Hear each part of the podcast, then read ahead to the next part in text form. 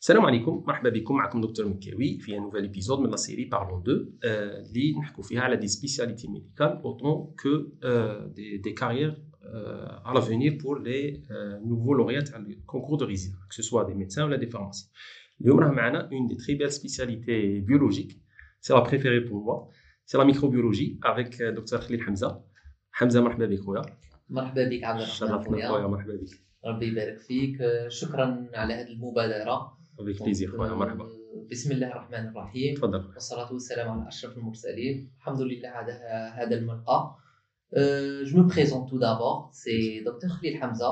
Je suis euh, spécialiste en microbiologie. Euh, je viens d'avoir mon DEMS هنا هاد الخطرة في janvier 2024. Très bien. Donc, euh, j'ai suivi un parcours de cursus de microbiologie pendant les 4 ans في- au CHU d'Oran. Et je suis docteur en pharmacie de formation. très bien Donc, c'est une spécialité, elle, est- elle est commune entre tout ce qui est pharmacie et médecine. Donc, Ouais. un médecin et un pharmacien, ils peuvent, par le biais, de- le biais du concours de résident, postuler à la microbiologie comme spécialité. très bien Donc, et ils sont au même titre. Donc, c'est-à-dire que ce soit médecin microbiologiste, pharmacien microbiologiste, c'est en termes légaux, c'est le même titre. très bien Donc voilà.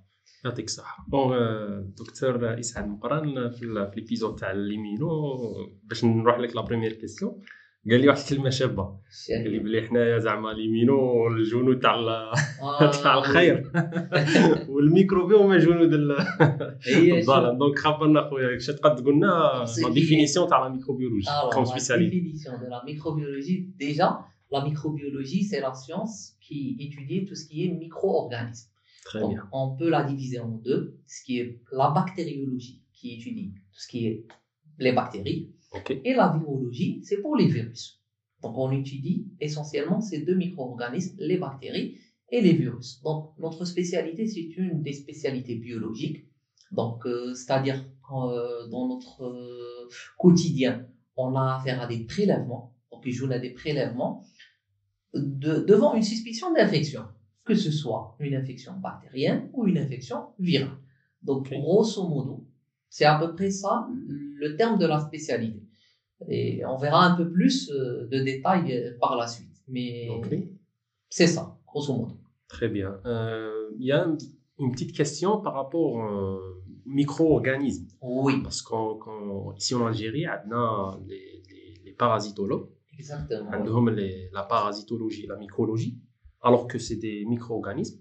C'est que fait la différence entre les deux par rapport à, en Ah. termes c'est la science et le travail Il y a une différence, je pense. Exactement. Oui. Les- les- on parle de micro-organismes unicellulaires, donc tout ce qui est procaryotes et tout. Donc là, Ah, on se focalise pour la microbiologie, la bactériologie et la virologie. Par contre, la parasitologie et la mycologie se concentrent beaucoup plus sur d'autres mi- micro-organismes, notamment les levures, ce qui Oui. est le cas de la mycologie, mais aussi les parasites qui sont, c'est-à-dire des êtres plutôt pas macroscopiques. Il y a des microscopiques et les, ma- les macroscopiques. Donc, Très par contre, pour la microbiologie, c'est uniquement ce qui est microscopique. Très bien. Très bien. Donc, c'est ça. C'est ça. Par rapport euh, euh, ce qui fait le, le microbiologiste quotidiennement, Oui. sont les, Alors, Les euh, tâches d'un tâches. microbiologiste Bon, tout d'abord, euh, le microbiologiste, son rôle, c'est de diagnostiquer des infections, Très bien. qu'elles soient bactériennes, virales, etc. Comment on fait le diagnostic de ces infections? C'est par le biais de prélèvements qu'on reçoit de différents patients. Alors, on a une multitude de prélèvements qu'on peut recevoir. Des urines, des prélèvements sanguins, des prélèvements pulmonaires, notamment des crachats, des prélèvements distaux protégés. Et on parle en microbiologie de ce qu'on appelle des ECB, études cytobactériologiques. Donc là, je me focalise beaucoup plus sur tout ce qui est bactériologie. Quand on parle d'ECB, c'est études cytobactériologiques. Donc, c'est le volet bactériologique de la microbiologie. Donc, à travers l'analyse de ces prélèvements, on va essayer d'identifier c'est quoi l'agent pathogène. L'agent pathogène, et après identification de l'agent pathogène, on va lui faire ce qu'on appelle des tests de sensibilité aux antibiotiques pour connaître le meilleur antibiotique adapté au choix pour cette type, ce type d'infection. Donc, elle dit c'est un peu grosso modo et c'est un petit peu résumé dans ce, dans, dans ce qu'on appelle la, micro, la bactériologie classique. C'est-à-dire. C'est généralement le prototype. Exactement. C'est le prototype, ce qu'on le diagnostic et thérapeutique. l'enfant, exactement. C'est-à-dire la culture du germe, euh, les tests de sensibilité aux antibiotiques pour voir quel antibiotique utiliser, etc. Mais c'est un peu plus complexe que ça, parce que déjà, on a ce qu'on appelle des bactéries non cultivables, donc pour lesquelles ces méthodes diagnostiques ne sont pas utiles. Donc on a recours à d'autres méthodes diagnostiques. On a aussi euh, l'inconvénient de ces techniques, c'est que c'est des techniques assez longues. On doit attendre la culture du germe pour ensuite faire les tests nécessaires pour l'identifier et les tests de sensibilité aux antibiotiques. Donc, on a, on parle maintenant beaucoup plus de réactions de biologie moléculaire. Ce qui, ce qui veut dire, c'est, des réactions euh, qui permettent de donner un, diagnostic plus rapide des, des infections euh, notamment par la détection du matériel génétique dans le prélèvement pathologique. Donc, elle dit ça, c'est, c'est vraiment, c'est-à-dire. Euh, c'est les avancées technologiques. C'est les euh, avancées technologiques et ça, c'est très répandu depuis la Covid. Avant la Covid, personne n'entendait parler de PCR, de polymerase chain reaction. Maintenant, ça s'est vulgarisé. Tout le monde parle de PCR, de réaction de biologie moléculaire. Donc, ce qui est biologie moléculaire, c'est, c'est un outil révolutionnaire en termes de microbiologie parce que ça donne tout ce qui est un diagnostic rapide et. Ça diminue les faux négatifs.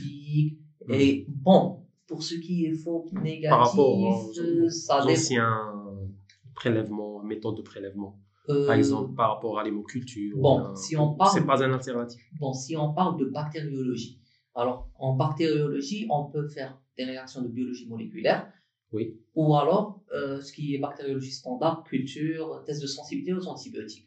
La différence entre les deux, c'est que pour les réactions de biologie moléculaire, lorsque tu trouves le gène de la bactérie, ça ne veut pas dire que la bactérie est viable. Peut-être que la bactérie est morte. Okay. Donc, on n'a pas cette notion de viabilité.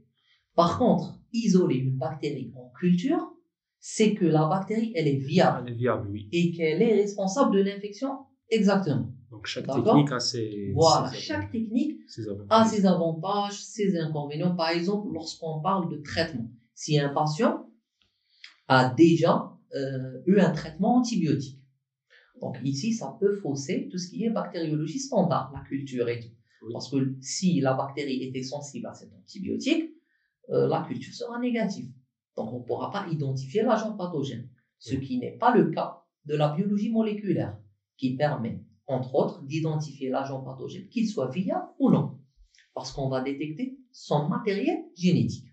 Donc, il est préférable d'associer les deux techniques de préférence. Exactement. Alors là, ça relève, ça relève de l'expertise du microbiologiste. Chaque technique a hmm. ses indications, ses contre-indications, euh, quand les utiliser, et même avant même de parler de techniques diagnostiques, ce qui est super important en bactériologie et en virologie, c'est l'étape préanalytique. C'est l'étape cruciale pour tout diagnostic biologique en général et microbiologique exceptionnellement. Oui. Alors pourquoi? Parce que en, euh, je me concentre beaucoup plus sur la bactériologie parce que c'est ce qui est de pratique courante de tous les jours, etc. Donc le fait d'isoler une bactérie ne signifie pas qu'elle est responsable de l'infection il faut attacher à cela tout ce qui est conditions de prélèvement, si le prélèvement a été fait dans les conditions euh, d'éventuelle contamination, que ce soit lors du prélèvement ou alors lors de l'acheminement du prélèvement. Et, et bien sûr, il faut corréler tout cela au contexte clinique du patient. Donc, pour, euh, pour c'est-à-dire analyser un examen microbiologique, il faut prendre en compte tout ce volet le volet préanalytique, c'est-à-dire comment a été fait le prélèvement, le volet euh, analytique, c'est-à-dire l'analyse qui a été faite, est-ce que c'est biologie moléculaire, culture standard, etc. Et le volet post-analytique, c'est de corréler cela avec la clinique du patient par la discussion clinico-biologique. Donc là, c'est super important pour nous de discuter toujours avec les cliniciens. D'ailleurs, c'est euh, la microbiologie, c'est l'une des spécialités, c'est c'est la spécialité biologique la plus proche du patient. Généralement, on, le voit avec les médecins, voilà, on le, confirme. on le voit avec les médecins. Généralement, lorsqu'ils choisissent une spécialité biologique, c'est pour un peu, c'est-à-dire, euh, ça, ça va le- les éloigner un petit peu du patient. Oui. Par contre, la microbiologie, là, il y a un contact avec, euh, pas directement le patient, on va dire, C'est surtout avec ces médecins. mais avec le clinicien, voilà, avec le médecin traitant, où tu dois dialoguer constamment, parce qu'on a recours à des, parce que, c'est-à-dire, on reçoit des prélèvements d'urgence, notamment dans le cas des méningites, on reçoit Mm. des, des liquides cérébrospinales, euh, des, le cas des, des, des hémocultures, dans les endocardites, etc. Il y a- une multitude de prélèvements qu'on peut recevoir. Donc, hein, ça, c'est le volet, on va dire, le diagnostic direct. C'est-à-dire la mise Oui. en évidence du germe, de l'agent pathogène. Exact. Pour la virologie, c'est un peu différent. La mise en évidence généralement de l'agent pathogène se fait généralement seulement par biologie moléculaire. Il existe d'autres techniques de culture cellulaire et tout, mais ils, ils sont, c'est-à-dire, euh, laissés pour les laboratoires, cher, euh, voilà, pour les pour la laboratoires recherche. de référence. Exactement. Mais ce qui se fait en routine pour tout ce qui est virologie, notamment pour les virus respiratoires, la grippe et tout, c'est les réactions de biologie moléculaire Hmm. pour mettre en évidence un constituant de ce virus, notamment le génome. Oui. D'accord? Euh, Et même euh, les sérologies. Voilà. Pour le volet diagnostic indirect, Ah. Là, là c'est là qu'on rentre euh, dans tout ce qui est immuno. C'est-à-dire, un c'est- contrôle microbiome immuno, réaction anticorps-antigène, c'est l'étude de la réponse, la réponse de l'organisme contre cet agent pathogène, notamment par la production d'anticorps.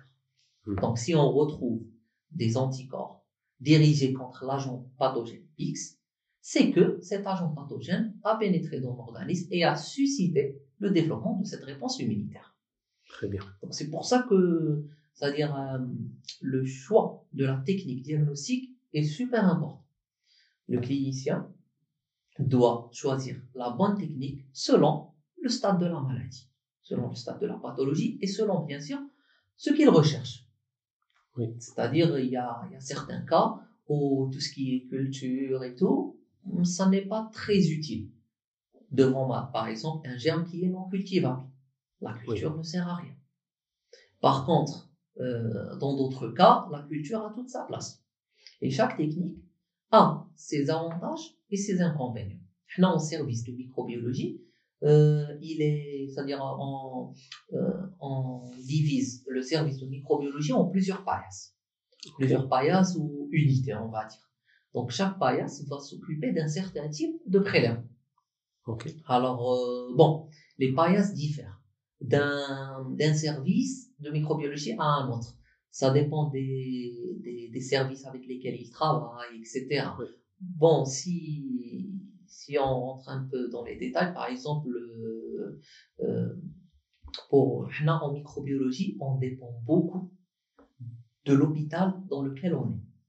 Parce que Justement. la nature des prélèvements qu'on va recevoir, c'est selon les services avec lesquels on travaille. Par exemple, j'étais au CHU d'Oran, on avait une multitude de prélèvements parce qu'il y avait la plupart des services.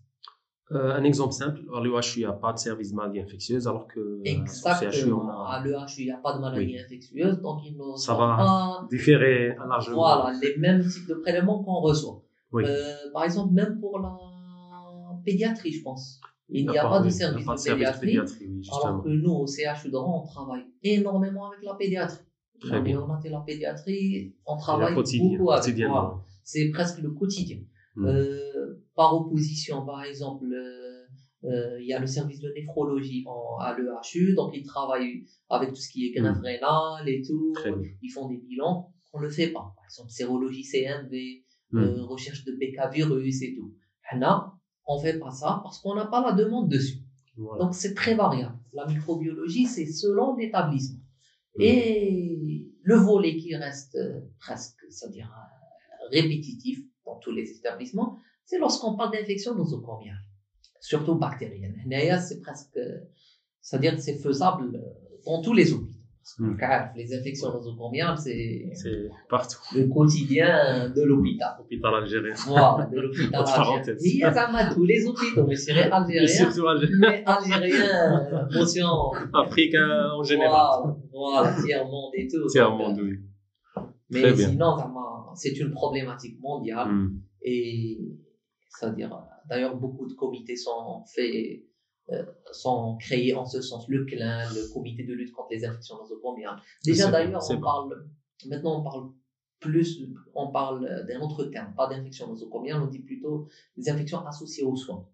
C'est-à-dire qu'ils Oui. ne sont pas seulement, euh, ils, ne sont Liés pas seulement au milieu, à l'hôpital, mais aussi à liés à une activité de soins. de soins, oui. Voilà. Donc, euh, c'est ce terme qu'on emploie. Donc on a une réaction à ce problème, donc c'est c'est déjà très Exactement. C'est Exactement. un bon, c'est une bonne chose, oui. Donc, euh, je reviens pour les paillasse. Donc, on a Oui. par exemple, euh, dans notre service, on a tout ce qui est une paillasse qui va s'occuper de l'hémoculture. Donc, Ok. l'hémoculture, c'est la culture du sang.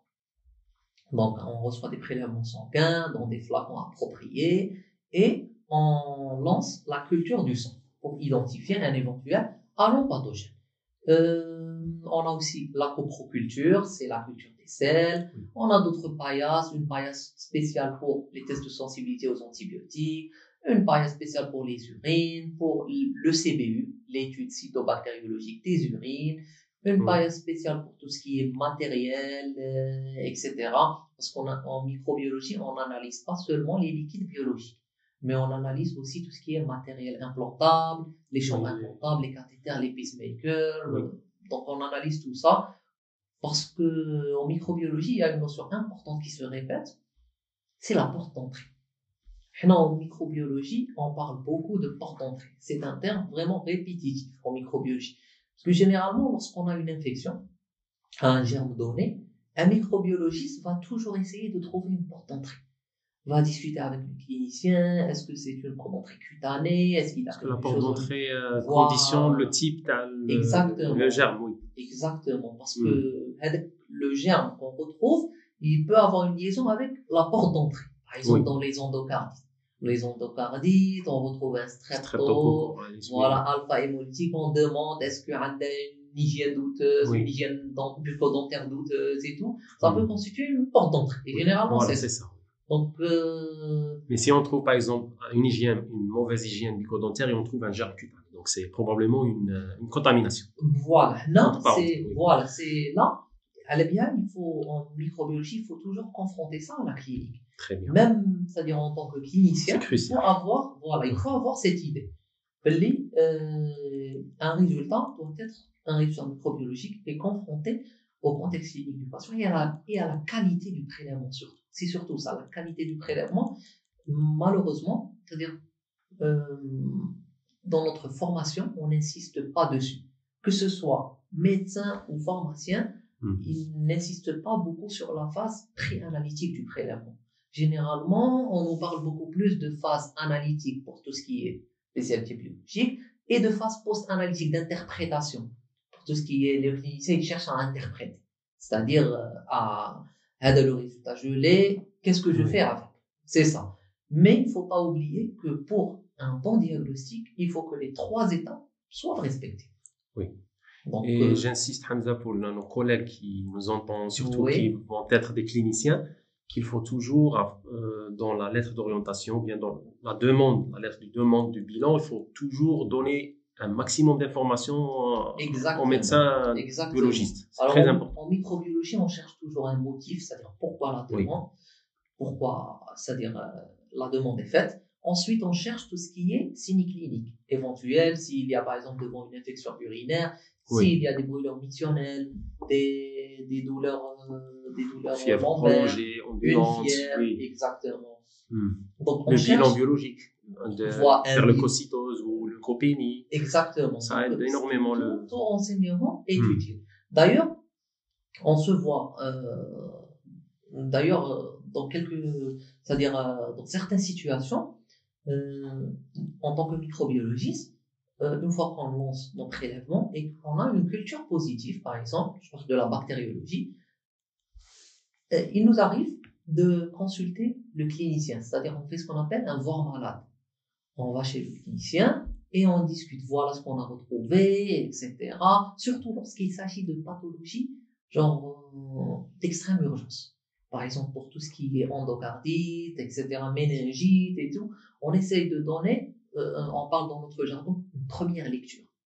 Même les cliniciens, les cliniciens, c'est-à-dire qui sont bien assidus dans tout ce qui est euh, biologique et tout, ils demandent la première lecture. Qu'est-ce que vous avez trouvé? Est-ce que la culture est positive? Est-ce que euh, vous suspectez un germe, etc. Parce que ça peut guider dans, dans la prise en charge thérapeutique du patient. Par exemple, j'ai un exemple à citer. Une fois, c'est il y avait un cas d'endocardite infectieuse. Donc, c'était endocardite infectieuse sur euh, valve native, oui. Euh, quand on parle d'endocardite, généralement, quels germes en, sont en première position C'est-à-dire responsables d'endocardite. Strepto, puis staph. Voilà. Strepto orali, c'est Exactement. staphylococcus, pour Voilà. être plus. Pour être précis, exactement. Oui. On va dire les streptocoques et les staphylocoques. Oui. Donc, c'est ça, notamment le staphylocoque aureus. Oui. Euh, mais, et, et bien sûr, la prise en charge thérapeutique, c'est-à-dire les euh, probabilistes, le traitement probabiliste va dépendre de ça. Donc, il a été traité en tant que euh, une endocardite à staph, jusqu'à preuve, de- à, à staph ou à strepto. C'est-à-dire, Par exemple, euh, si elle est subaiguë, généralement c'est strepto. Si elle est aiguë, euh, exactement, c'est généralement le staph. oui. exactement. Il y a des tableaux d'antibiotiques probabilistes différents rapport aux le tableau diffère Oui. d'un germe à un autre. Hmm. Euh, mais au cours de la première lecture, eh ben, on a trouvé que euh, sur la culture, on a eu des BGN, des bacilles à grammes négatifs, ce qui est très rare en termes d'endocardite. Les endocardites les non à sec, les. BG1 non à sec. Euh, Là, on a, on a eu une endocardite à, à coli. Ah, ok. Oui, c'était un BG1. Hmm. Et les BG1, ils sont, c'est-à-dire, ils sont peu incriminés dans tout ce qui est endocardite. Oui, c'est des causes rares, mais ils sont. Exactement. Mais le souci là, c'est que le patient n'était pas bien couvert. Ok. Il donnait un traitement anti-staphylococcique qui ne couvrait pas tout ce qui est BGR. Oui. Mais c'est après notre première lecture qu'on a averti le médecin traitant que voilà ce qu'on a trouvé et qu'il fallait modifier l'antibiothérapie de façon à couvrir tout ce qui est bacille à gramme négatif. Et ça a été fait heureusement. Nous, on a continué notre analyse par la réalisation des tests de sensibilité aux antibiotiques et c'était concordant. Genre, l'antibiogramme a aidé dans la prise en charge de ce patient.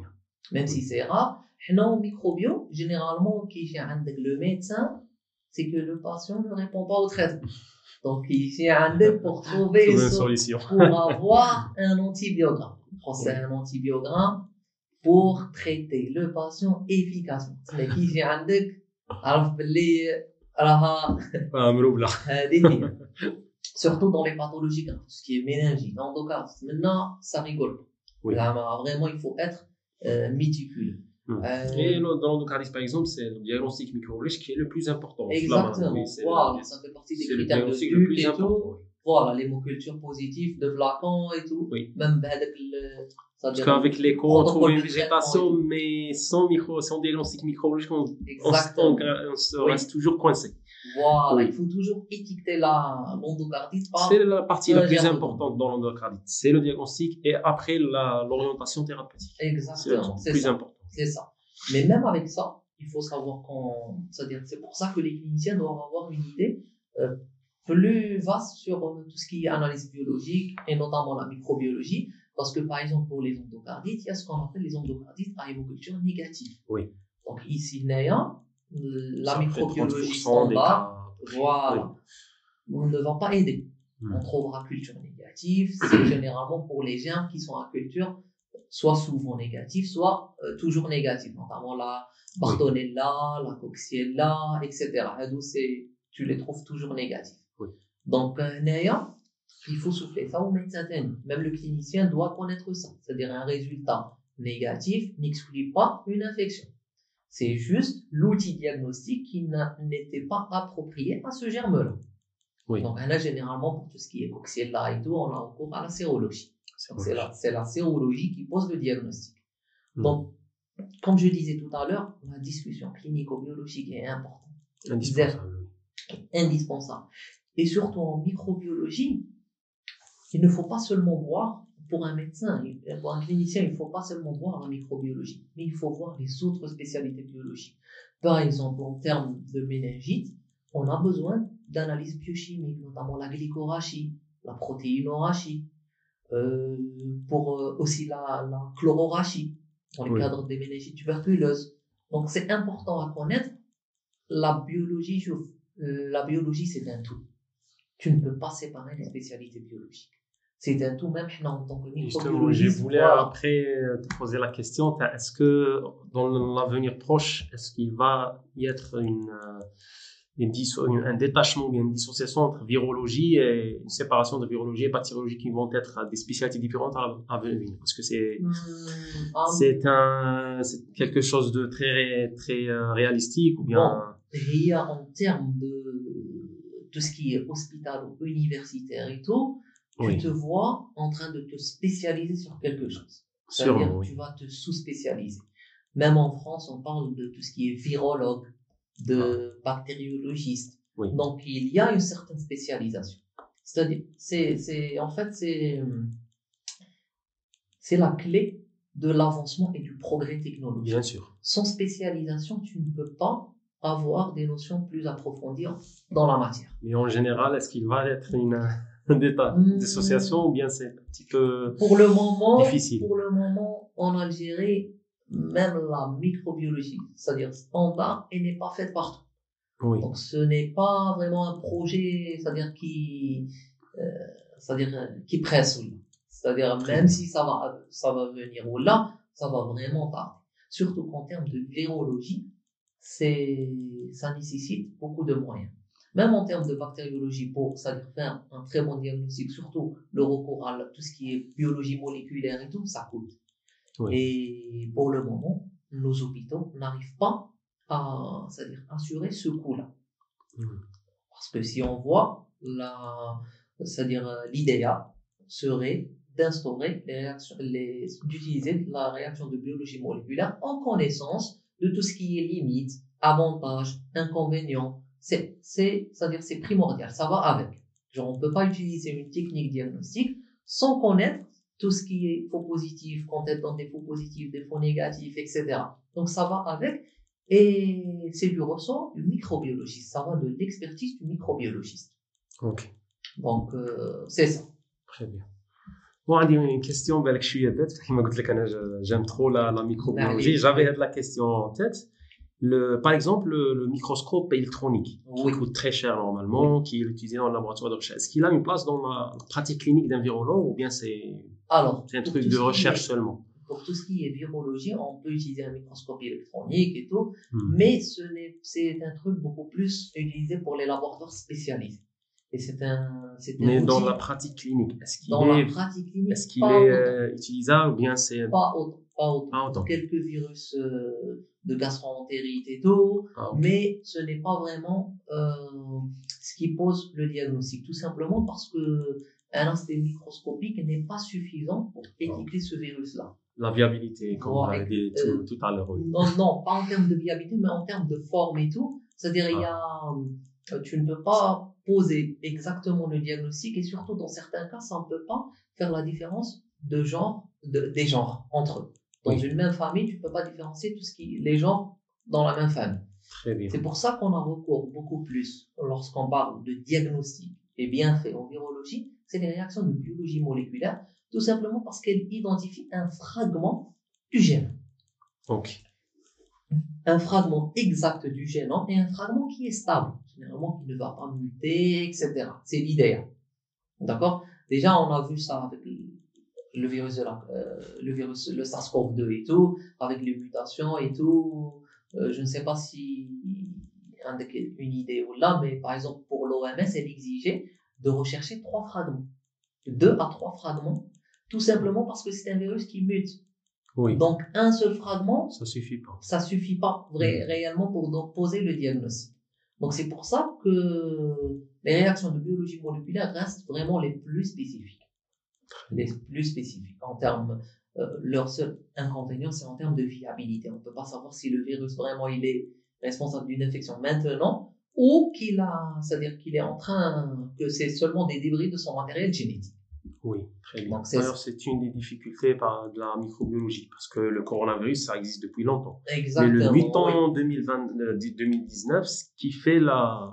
Voilà. Oui. Termes, en termes pour un microbiologiste, Hmm. euh, c'est tout à fait possible. C'est-à-dire, si tu discutes avec un microbiologiste, tu lui dis tel virus, euh, il, pourra créer une pandémie mondiale d'ici quelques années, il te dit ah oui, c'est super possible. Surtout Donc, il est banal maintenant, mais à venir, ça peut poser pour tout ce qui est surtout, surtout virus à ARN.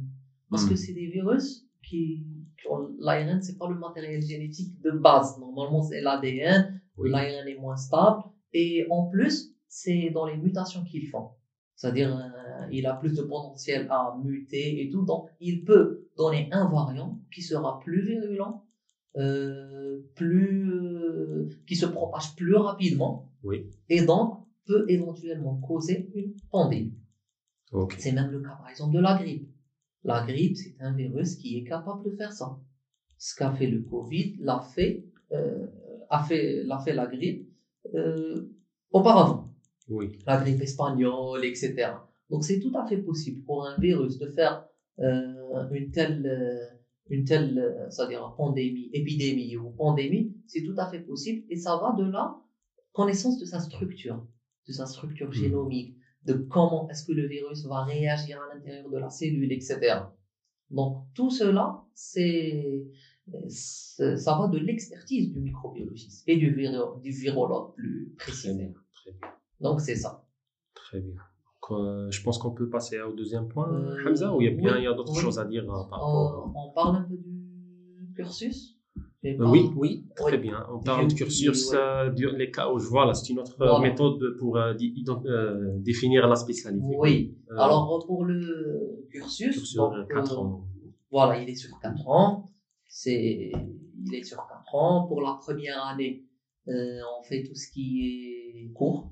Donc, des cours assurés par euh, nos enseignants, que ce soit maîtres assistants, profs, etc. Euh, la petite particularité pour la microbio, c'est qu'on fait le cours, les cours euh, ensemble. Tout ce qui est, tous les éléments, c'est-à-dire le CH, les éléments du CHU d'Oran, du CHU, de, du Le CHU de Tlemcen, le HU, on fait une formation commune. C'est-à-dire, dans notre formation, il y a des déplacements. Des fois, certains cours, on les fait à Tlemcen, il y a certains cours qu'on fait à. Sidi Bel Abbas. Donc, euh, il y a. régional. Exactement, c'est régional. La formation, elle est régionale. Elle dit, c'est durant la première année. Encadré Euh, par le CPRS. Exactement, oui. Bien sûr, euh, la première année se termine par un examen sanctionnant où Oui, il faut avoir, c'est le cas de toutes les Quels spécialités. sont les grands chapitres de la première année? Alors, la première année, on fait tout ce qui est, bon, on va diviser tout ce qui est bactériologie et virologie. Oui. Et chacune d'entre elles est divisée en euh, fondamentale, en systématique Ok. et appliquée. Donc, par exemple, pour la bactériologie, on a la bactériologie fondamentale. On va étudier tout ce qui est métabolisme bactérien. Non, Ah. là, c'est Ah, systématique. Oui, oui. On va utiliser, on va étudier tout ce qui est métabolisme bactérien, Ok. structure bactérienne, euh, le génome bactérien, etc. Génome, l'enveloppe. hein, Voilà, Mm. elle dit ça, c'est dans le cadre de la Il court structure la troisième bactérienne. année médecine. Exactement. Kimenha. C'est troisième année médecine, quatrième année pharmacie. Quatrième année pharmacie. Donc, euh, on fait aussi les antibiotiques. Oui. Dans la fondamentale, on fait les antibiotiques. On fait la relation hôte-bactérie, la relation entre la bactérie et les cellules euh, hôtes. Donc, euh, l'hôte plutôt, l'humain. Euh, ça, c'est pour la fondamentale. Il y a aussi la systématique. Alors, la systématique, là, on va aborder, comme tu as dit tout à l'heure, famille par famille. On va commencer famille par famille, et chaque famille a plusieurs genres et plusieurs espèces, etc. Voilà, donc on va, par exemple, pour la famille des Enterobacteriaceae, il y a le genre Escherichia qui comporte l'espèce Escherichia coli. Hmm. Donc on va faire des cours spéciaux pour chaque bactérie. Escherichia coli, quelles les Enterobactéries, euh, le, le Vibrio cholerae, le diphtérie, le Corynebacterium diphtérie. Donc on va faire un par un. C'est vraiment des Trop cours. de latin. Voilà. Trop de Et latin c'est au des cours avec une même structure. c'est-à-dire euh, caractère bactériologique de chaque bactérie, un peu d'épidémiologie, le mode de transmission, etc. Et ensuite le diagnostic de cette infection. Les portes C'est-à-dire, d'entrée. Voilà, le diagnostic, comment il se fait, diagnostic, dia- dia- et le traitement, bien sûr, les tests de sensibilité aux antibiotiques, le traitement, la prévention, etc. Donc, c'est des Mhm. cours en forme, c'est un peu similaire, mais il y a beaucoup de bactéries. Ah, zama, tu vas en baver. Ah, Là, c'est très. On est vraiment comme ça. Chacune a ses particularités, chacune comment on lui fait le diagnostic, chacune les caractères biochimiques plus importants à faire au laboratoire pour Mhm. l'identifier. Tu vas en baver. Il y a de la diversité. Exactement. Il y a de la diversité et de la charge Et de la charge, bien sûr. De la charge, Donc, euh, des, points similaires, des similarités. des Exactement. Oui. Et on a la partie appliquée. Donc, la partie appliquée, c'est tout ce qui est les ECB, les études cytobactériologiques, par exemple, un cours spécial sur l'étude cytobactériologique des urines. Hmm. Comment on fait un examen cytobactériologique des urines? qui englobe deux volets, l'acidologie, puis la culture. La culture. Donc, c'est un cours détaillé. Il y a le CV du LCR, l'étude cytobactériologique du, du calorachidien, du crachat, du pu, etc. Et mm. les hmm. ECV, on les fait. Ensuite, on passe à la virologie. La virologie, c'est pareil.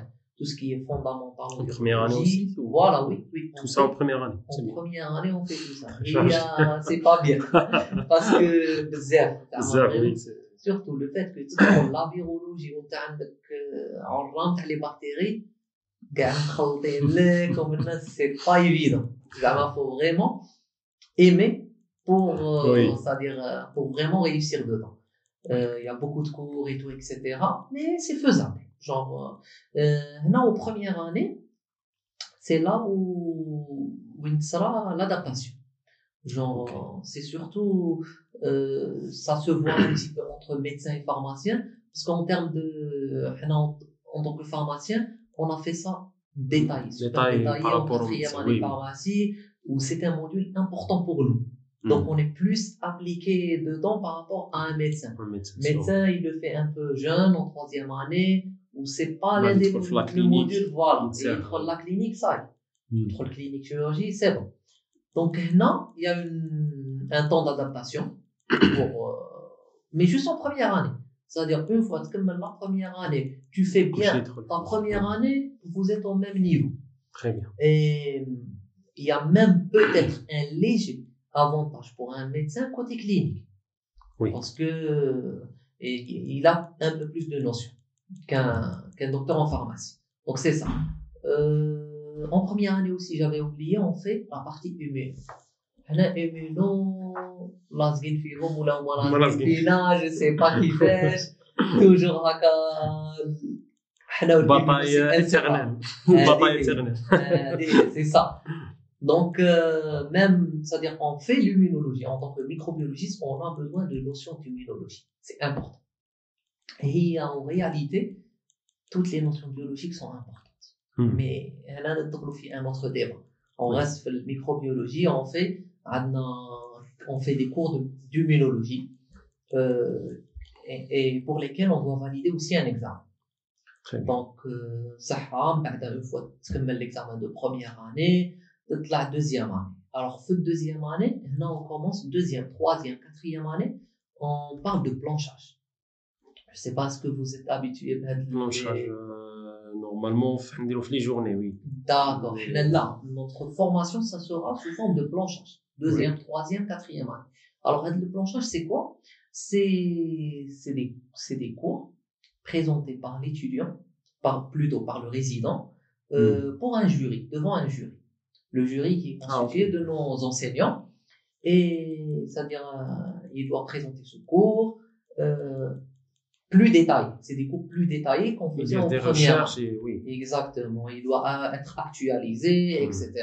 Donc là, ça, euh, c'est-à-dire, euh, c'est un plus pour la formation de l'étudiant, comment s'exprimer, pour la formation du résident plutôt, comment il s'exprime et tout, et sa capacité à euh, faire passer l'information. les nouvelles euh, Voilà. données. Exactement. Ou ces planchages-là, alors ils sont un peu particuliers tout simplement parce que euh, c'est super enrichissant et diffère, euh, c'est super enrichissant et surtout, comment dire, Il y a Euh, l'échange entre les différents. Voilà, c'est et surtout la notion d'échange. Il y a Oui. extrêmement d'échanges. La critique aussi scientifique. Voilà. Et pour ne pas s'arrêter là, durant ces planchages, on a même des, des profs d'Alger qui viennent assister à, ce plan, à ces planchages, qui viennent encadrer même ces planchages, c'est-à-dire pour, euh, pour avoir encore plus de diversité. Et on, euh, des fois, c'est-à-dire, euh, les planchages, il dit un expert de ce, de ce planchage. C'est-à-dire, il faisait ce planchage depuis longtemps, il travaille que sur ça, etc. Oui. Donc, et tu apprends énormément de choses. Elle dit qu'il y la microbiologie. Durant les planchages, il y a des planchages assurés par des profs extérieurs de la région ouest. Ah, la région Namchir et euh, le service. Très bien. Oui, très bien. Que même, c'est-à-dire, les planches ils sont assurés par la région ouest. C'est-à-dire, oui. pas un maître assistant ou un prof, mais le Blabès, mais Belabbas, Tlemcen, Oran, ça dépend. Oui. À chaque planchage qu'ils font, c'est la même chose. Elles se font, Khatra Oran, Khatra Belabbas, Khatra Tlemcen, ça dépend, voilà. Ou même avec les, les profs d'Alger qui viennent euh, nous encadrer pour ces planchages. Oui. Donc, c'est, c'est un avantage. Euh, pour moi, parce que j'ai vu toujours euh, une diversité. Ah, un ben, pour le développement. Et tu vois une autre vision, c'est-à-dire euh, tu ne te contentes pas Différentes visions. Exactement, tu ne vas pas te contenter que ce que tu fais service. service. Non, tu as des notions que la bras théorique, mais sur ce qui se passe ailleurs. Oui. c'est c'est le premier truc en microbiologie. Donc la deuxième année, on fait euh, on reste dans la fondamentale, mais c'est-à-dire plus approfondi. Donc on va faire des planchages sur les antibiotiques, sur tout ce qui est hygiène hospitalière, sur tout ce qui est la génétique bactérienne, donc avec des différentes techniques de biologie moléculaire et tout. Donc c'est plus spécialisé. Genre chaque partie de la fondamentale est Oui, de- un peu plus. oui. voilà, c'est ça. Elle dit durant la deuxième année. Durant la, la troisième et la quatrième année, là, on rentre dans tout ce qui est syndromique. Donc, on va voir les grands syndromes. C'est-à-dire, on, on fera des planchages, par exemple, planchage sur les infections euh, bactériennes du système nerveux central.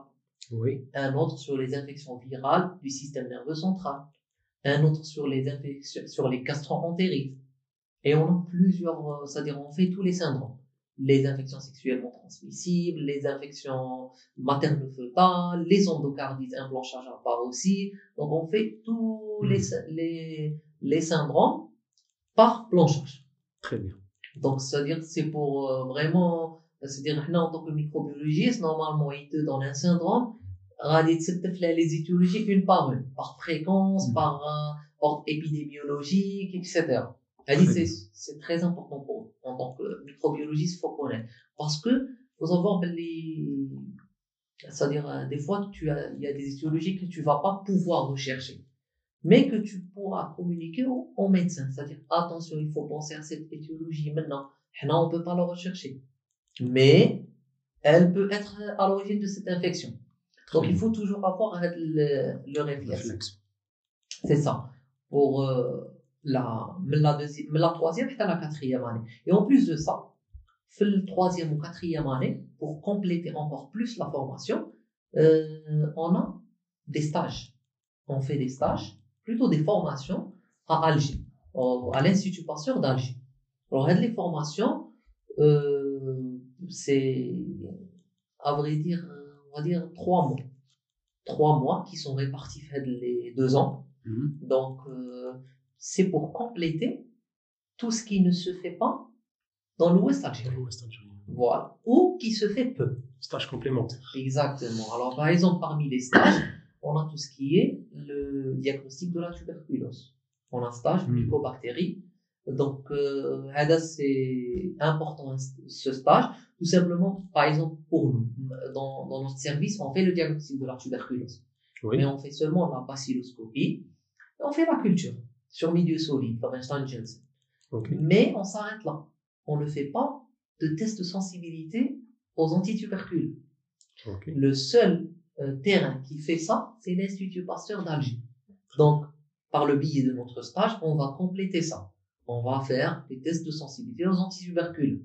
Donc, c'est un point plus pour compléter la formation. On a par exemple un autre stage de virologie. Un stage qui se focalise que sur la virologie. Donc euh, là, on complète vraiment énormément les lacunes qu'on a en termes de virologie. Parce que c'est coûteux, ça ne se fait pas en routine toujours, etc. Donc, euh, c'est le but de ces stages, c'est pour former un microbiologiste complet.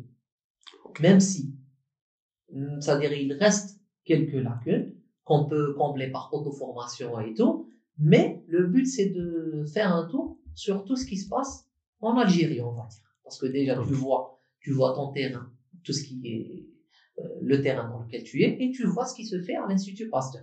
On a un autre stage pour les, la résistance aux antibiotiques et tout, stage de bactériologie et de résistance aux antibiotiques. Donc, c'est vraiment les stages, c'est, c'est-à-dire c'est primordial pour la formation des microbiologistes.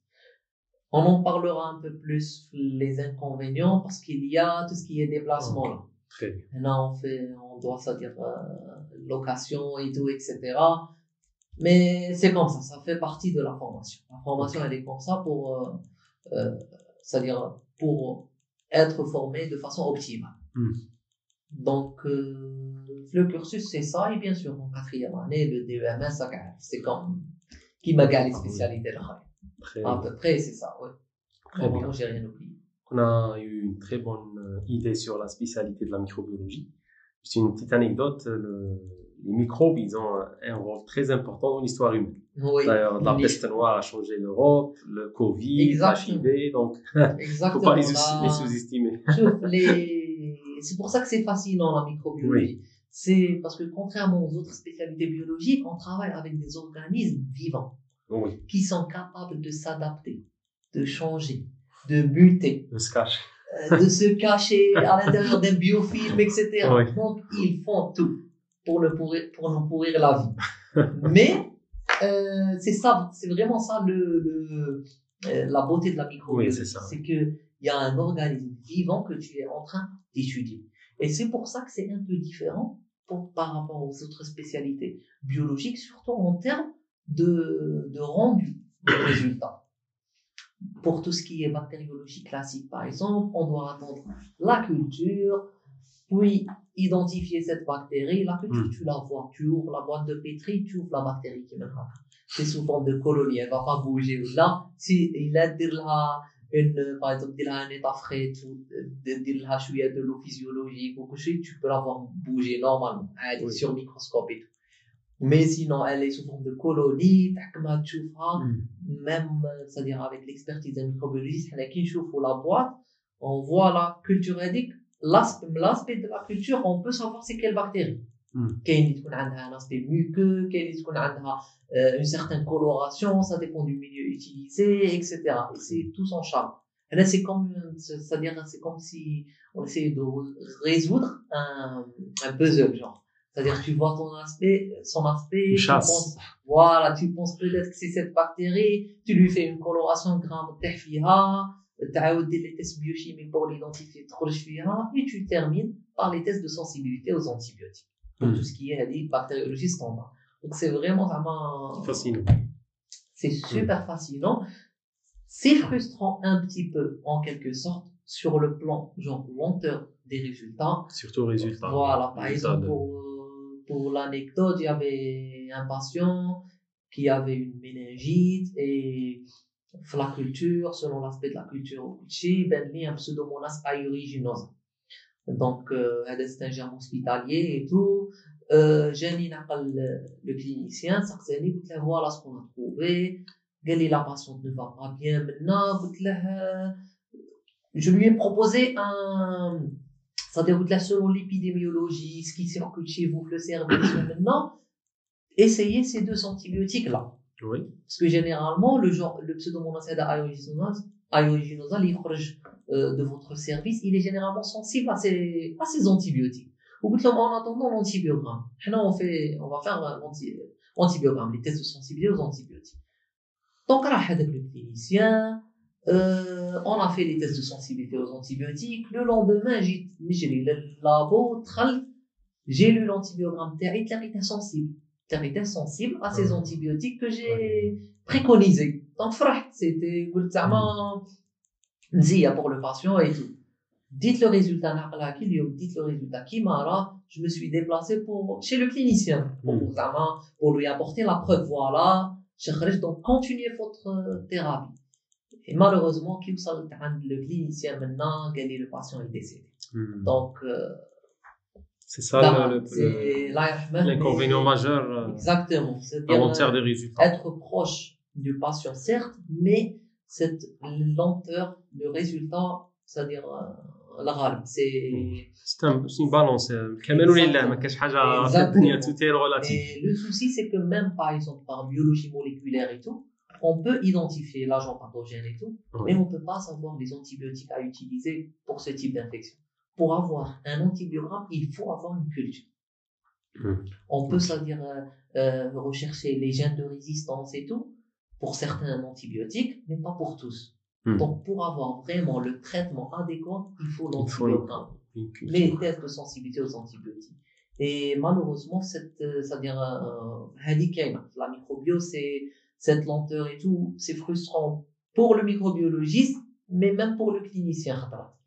Mais c'est et c'est en quelque sorte, euh, c'est-à-dire, euh, c'est comme ça. C'est, c'est-à-dire euh, la réalité des euh, choses. Voilà, c'est la réalité des choses, des moyens et tout fournis mm-hmm. et tout. Donc, elle fait.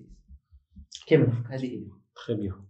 Donc maintenant, on passe au deuxième point, c'est est-ce qu'on peut énumérer les avantages et les inconvénients euh, Les avantages, en disant, par exemple, euh, le carrière d'un microbiologiste, chez, chez les trucs qui vont vous faire plaisir chaque quotidiennement qui travaille à un microbiologiste. Alors, euh, on a déjà parlé de quelques oui, points, on oui. peut les reciter. Bah, pour, la, pour la petite anecdote, hein, pour ma part, la microbiologie, c'était la spécialité de répondre. Très bien. je voulais faire la microbiologie. Donc, presque, je n'y voyais que des avantages. Ce n'est pas le cas. C'est, c'est-à-dire, à chaque spécialité, un a avantage, un a inconvénient et tout. Je vais énumérer, par exemple, pourquoi j'aime bien la microbiologie. Alors, la première chose, c'est que la microbiologie, c'est, il y a beaucoup de manuels dedans. C'est-à-dire, même si il Oui. y a tout ce qui est automate et tout, ça existe et tout. Et ils essayent d'automatiser tout ce qui est la microbiologie mais la part manuelle reste toujours indispensable. C'est-à-dire, tu pratiques avec tes mains. Hmm. C'est-à-dire, euh, la microbiologie, tu vas au charbon. Même devant des cas délicats ou là, euh, même, par exemple, on a les biologistes et les laborantins qui font tout ce qui est lancer les prélèvements et tout, faire le suivi et tout. Mais des fois, je mets la main à la pâte. C'est-à-dire, je prends le prélèvement ou un je le fais de A à Z. À l'aise, surtout quand je vois que c'est délicat et tout, où je veux le suivre. Donc, euh, vraiment, c'est-à-dire, euh, tu sens ton Mm. apport genre physique, la spécialité. Et en plus de ça, c'est que tu as affaire à des, à des prélèvements, euh, genre pathologiques, pathologiques, et pour lesquels le clinicien attend des résultats. Donc, le fait de fournir un résultat euh, au clinicien avec Mm. un antibiogramme qui va complètement changer sa prise en charge thérapeutique. C'est-à-dire la prise en charge n'était pas adéquate et avec l'antibiogramme, il va la changer et le patient بعد يريح, c'est vraiment Rapport, euh, super, super. important. oui. Voilà, c'est c'est super satisfaisant. Hmm. Même s'il y a entre parenthèses, dans tout ce qui est spécialité biologique, généralement, c'est des travailleurs de l'ombre. Genre, euh, l'apport, بعد ما euh, يدوش la récompense. Exactement, الخدمة تاعهم ما تبانش. Oui. ما تبانش جين- c'est généralement le clinicien ou l'ishouf.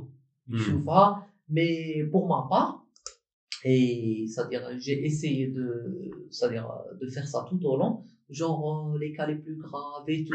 C'est-à-dire j'ai essayé de voir où ils en étaient. Hmm. C'est-à-dire, euh, je discutais avec les cliniciens, Yadra, vous avez changé l'antibiothérapie, quel est le patient, etc. Donc, j'essaie toujours de, d'avoir un, un, comment dire, un retour de mes résultats Hmm. c'est-à-dire pour avoir si ça a amélioré la prise en charge, etc., etc.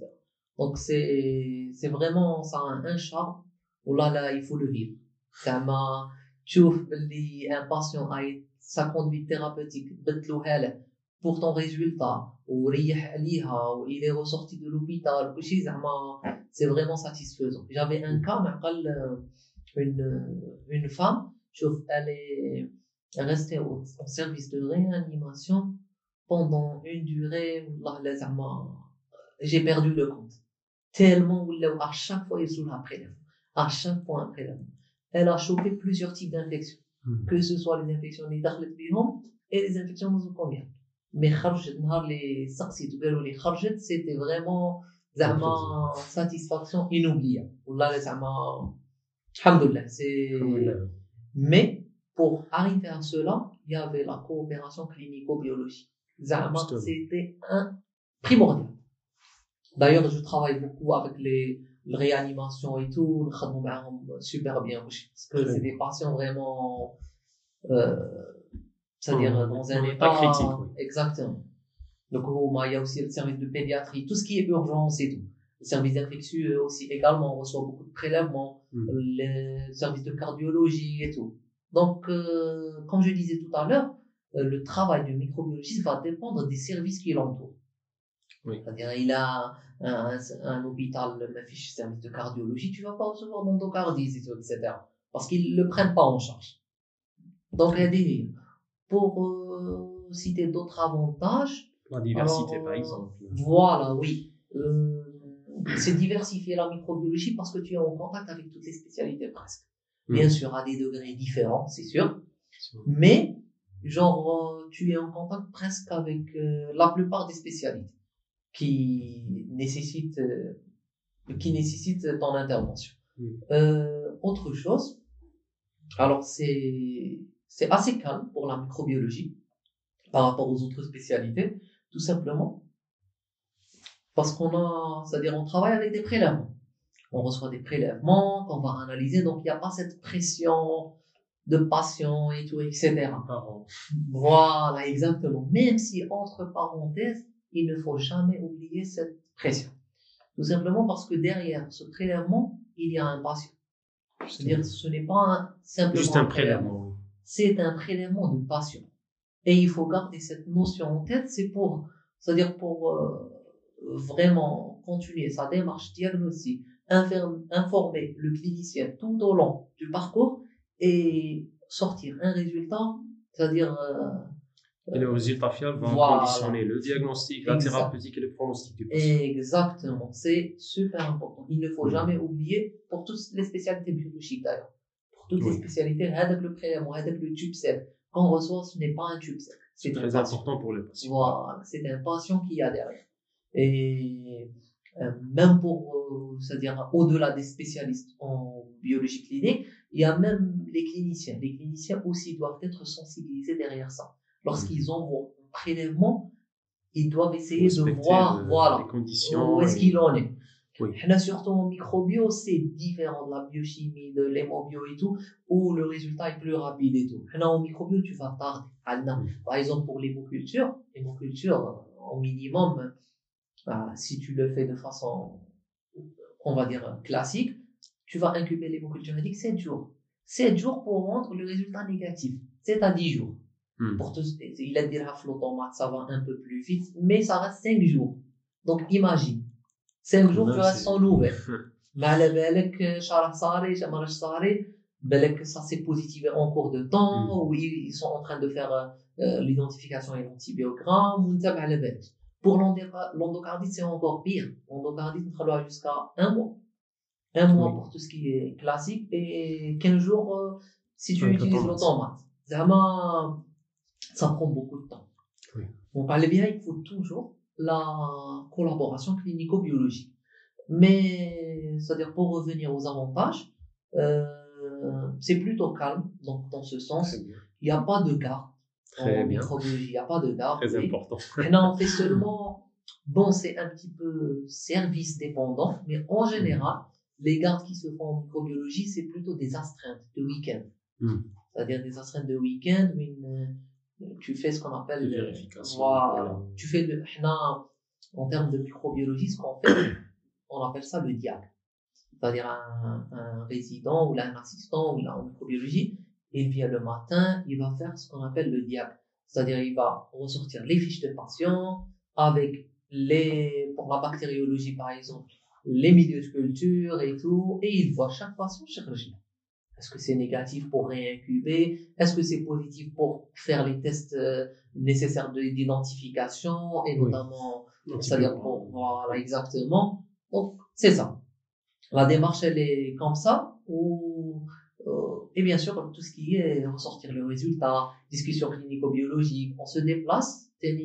Dans certains cas, on doit se déplacer pour, euh, c'est-à-dire discuter pour des procédures euh, de maladies à déclaration obligatoire. Ah. Des fois, on isole des germes qui sont à déclaration obligatoire. Oui. Donc, il y a toute une procédure de courrier pour l'épidémio et tout derrière. Mm. Pour déclarer, voilà, on a retrouvé tel agent pathogène. C'est, ça fait partie du quotidien, c'est-à-dire euh, du, du microbiologiste. Mais sinon, c'est assez calme, on va dire. Genre, euh, euh, il n'y a pas avec la pression t'as le patient Ok. derrière.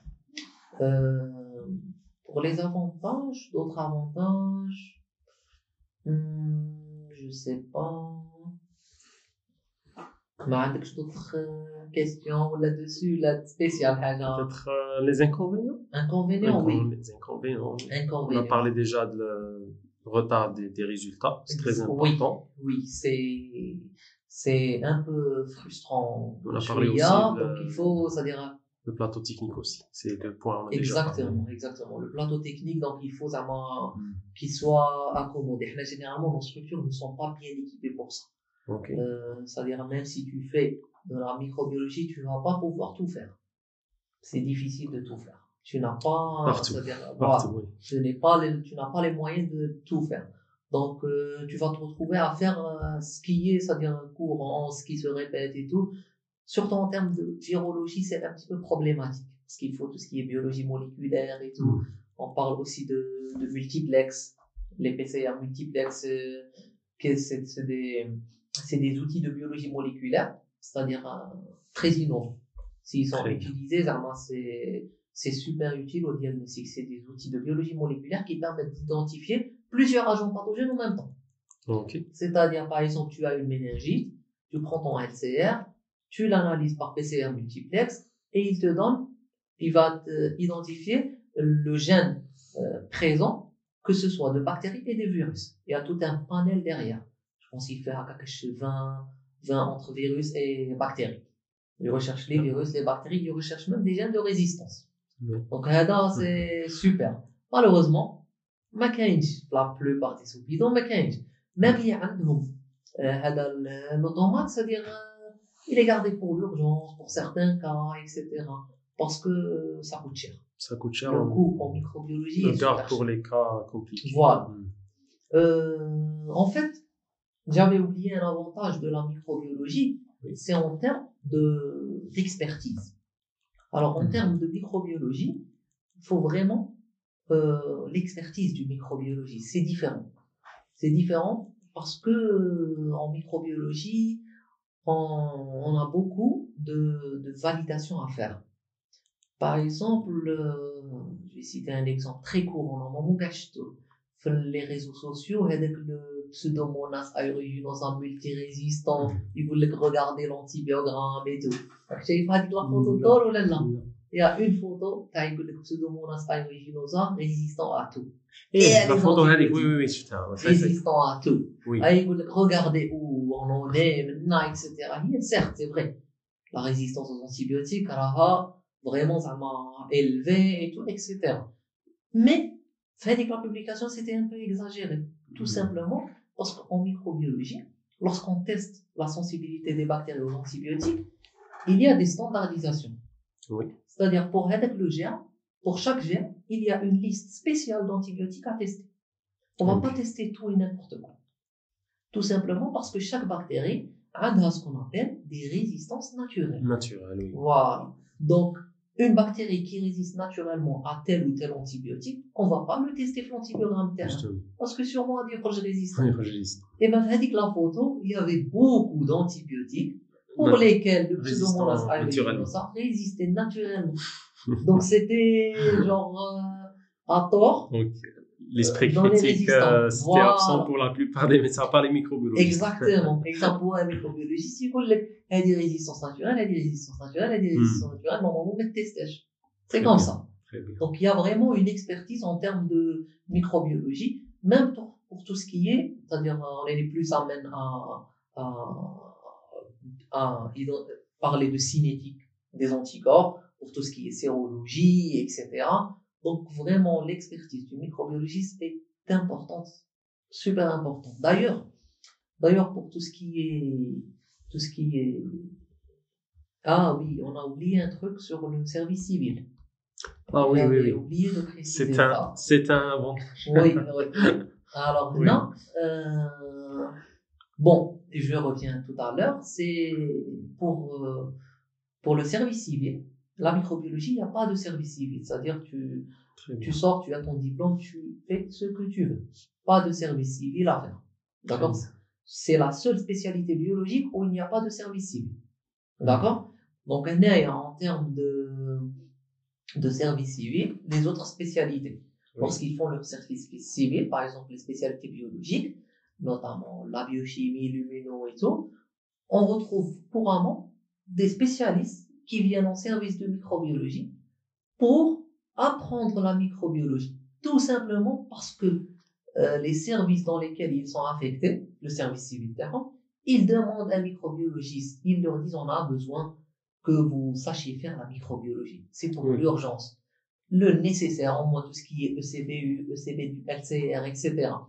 Parce que c'est nécessaire. Vraiment, la microbiologie doit avoir sa place dans toutes les structures hospitalières. Parce que c'est, c'est-à-dire les infections sont Partout. répandues partout. Oui, partout. Voilà, et touchées par tous les services sont concernés. Hmm. Donc c'est vraiment primordial.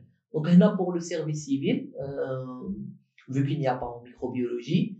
Donc, Maintenant, c'est un, avantage pour, euh, pour le microbiologiste, mais un inconvénient pour le, Exactement. système santé. Oui, exactement. C'est Euh, ça. Malheureusement. Et malheureusement. malheureusement, c'est comme ça. Et pour le euh, patient aussi. Voilà, oui, oui. Patients des régions qui sont un petit peu dans l'ombre.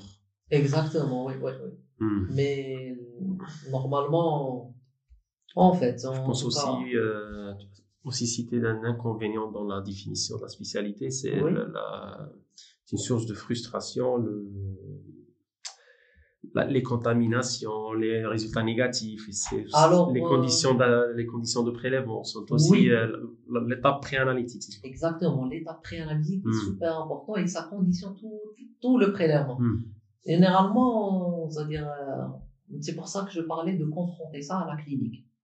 Là, on essaie, quand on trouve par exemple un germe qu'on suspecte contaminant et tout, on discute avec le clinicien sur son incrimination ou pas.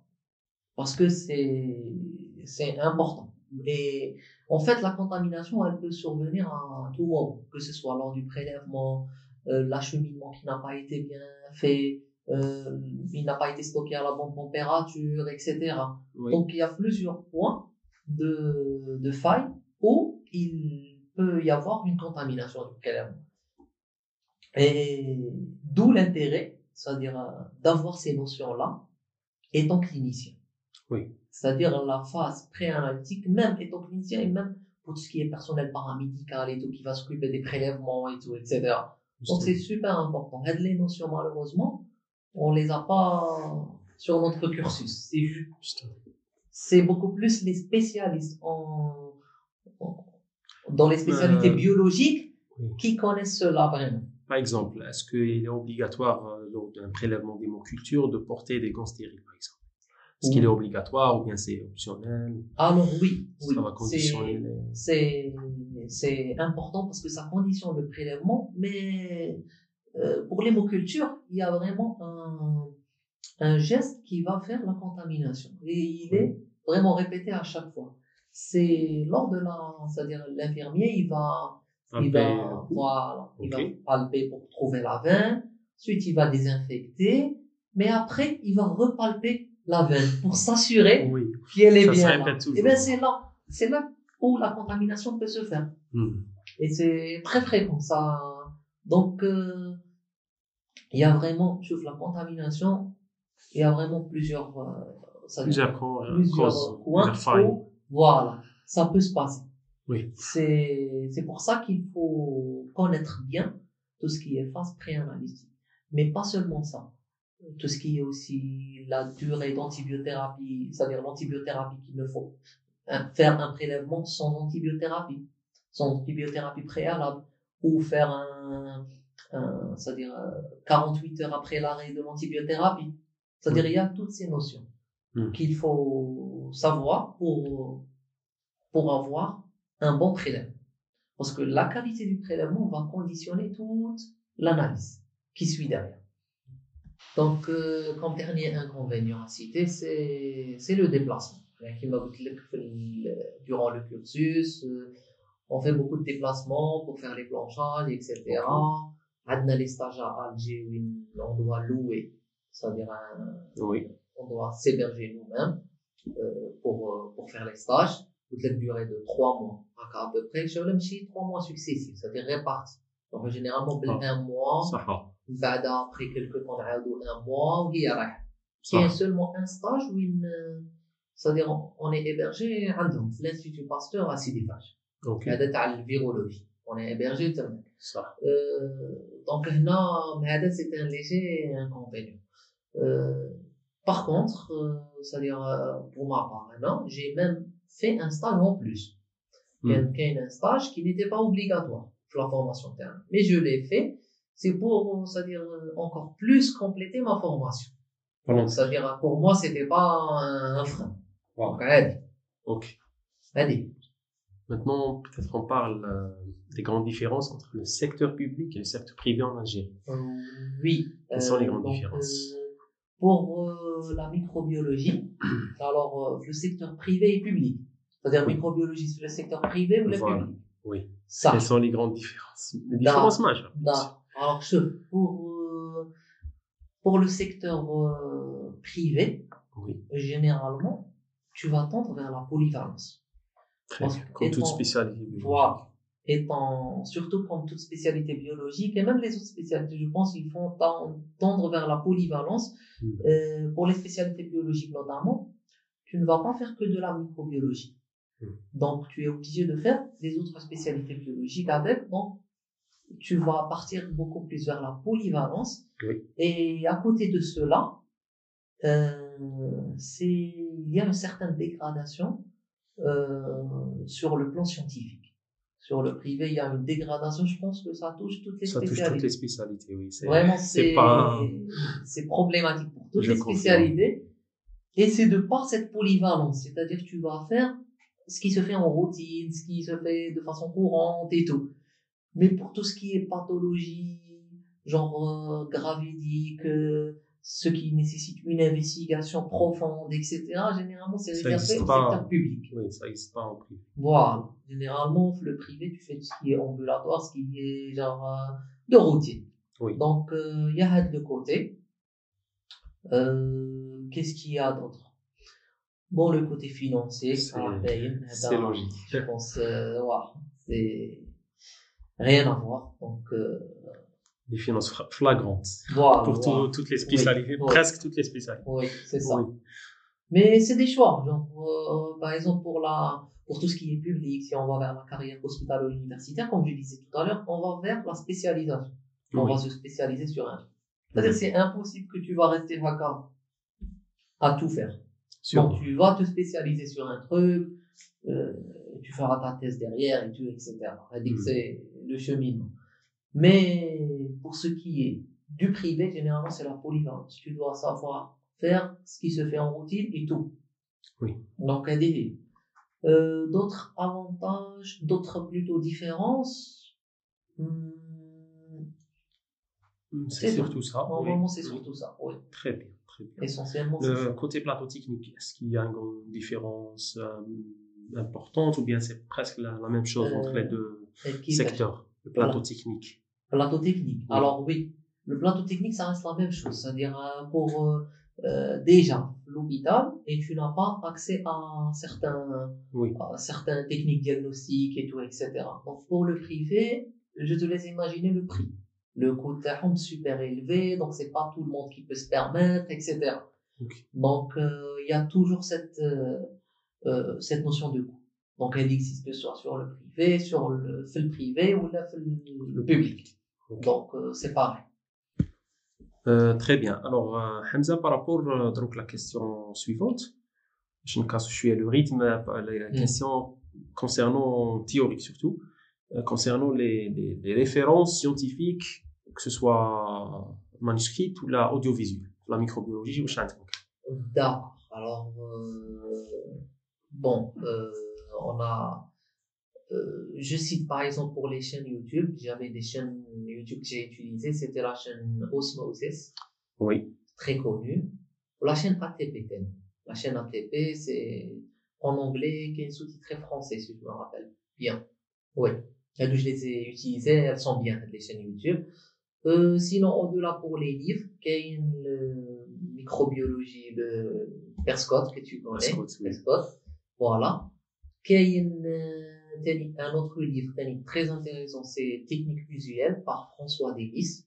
Il est super, fait tout ce qui est, comme je parlais tout à l'heure, de tout ce qui est fondamental, bada tout ce qui est systématique, bada les syndromes, ou même l'appliquer, c'est-à-dire les ECB, etc. Il est bien. Kayen des référentiels français pour, euh, par exemple, le remix. Le remix, euh, qui est fait par la Société française de microbiologie. Hada, il est intéressant. Euh, pour l'antibiogramme, alors on a des référentiels spéciaux pour les tests de sensibilité aux antibiotiques. C'est des standardisations. Qu'il y a une standardisation nationale des tests de sensibilité aux antibiotiques, qui est rédigée par l'Institut Pasteur euh, d'Alger, d'Algérie. Euh, c'est-à-dire en collaboration avec les autres services de microbiologie. Là, il est bien.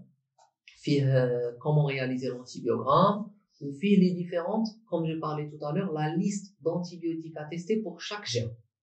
Donc là, il est euh, très intéressant. Qu'il y d'autres, je citerai comme Société Savante aussi.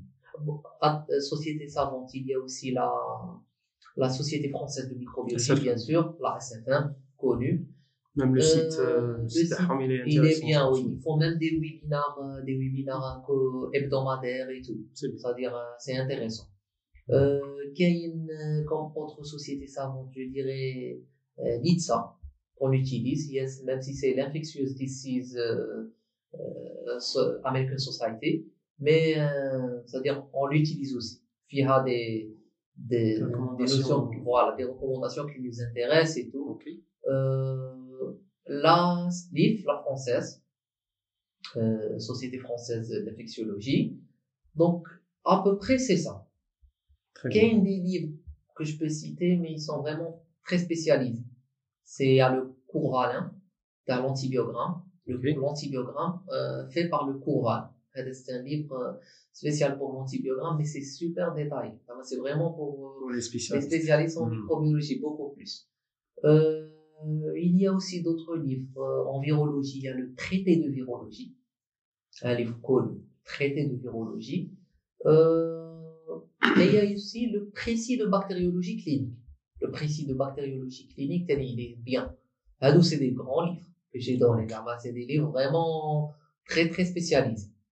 Pour les Donc, euh, antibiotiques, est-ce qu'il y a une référence spéciale Les Alors, antibiotiques? pour les antibiotiques, comme j'ai dit, il y a la standardisation nationale. C'est pour, Ah, voilà, c'est pour réaliser les tests de sensibilité, de sensibilité aux antibiotiques. Elle est nationale, qui est le CLSI, qui est américain, ou qui est le CAST, qui est européen. Ok. Euh, mais sinon, vous le livre, c'est l'antibiogramme, euh, sous la direction du Courval. Ada, c'est un livre très, vraiment, très riche. C'est un Très antibiogramme, mais c'est vraiment spécialisé. Hmm. C'est des notions très, euh, pour les microbiologies, ça m'a vraiment, De pointe. voilà. Euh, c'est ça pour, euh, voilà, pour les livres et les Très sociétés, ça, très bien. Très bien. Maintenant, on passe euh, au faux concept. Oh, La spécialité. Est-ce qu'il y a des faux concepts qui circulent entre les étudiants sur la microbiologie que Alors. vous pouvez les démystifier généralement ça. qui Bon, jouent عندكم euh, في السيرفيس يسقسوكم شنو هما Ah. généralement Sauf pour euh, te raconter une, ane- une anecdote. Oui. Euh, une fois, écoute, euh, j'étais d'astreinte et on a reçu un LCR. Un- donc, euh, étude cytobactériologique. euh, du LCS. euh, ce qu'on a fait, c'est on a fait, on a commencé toujours. En, microbiologie, par exemple, études cytobactériologiques, on doit commencer toujours par la culture, parce que pour ne pas contaminer notre prélèvement, on, lance la, culture, ensuite on fait la cytologie.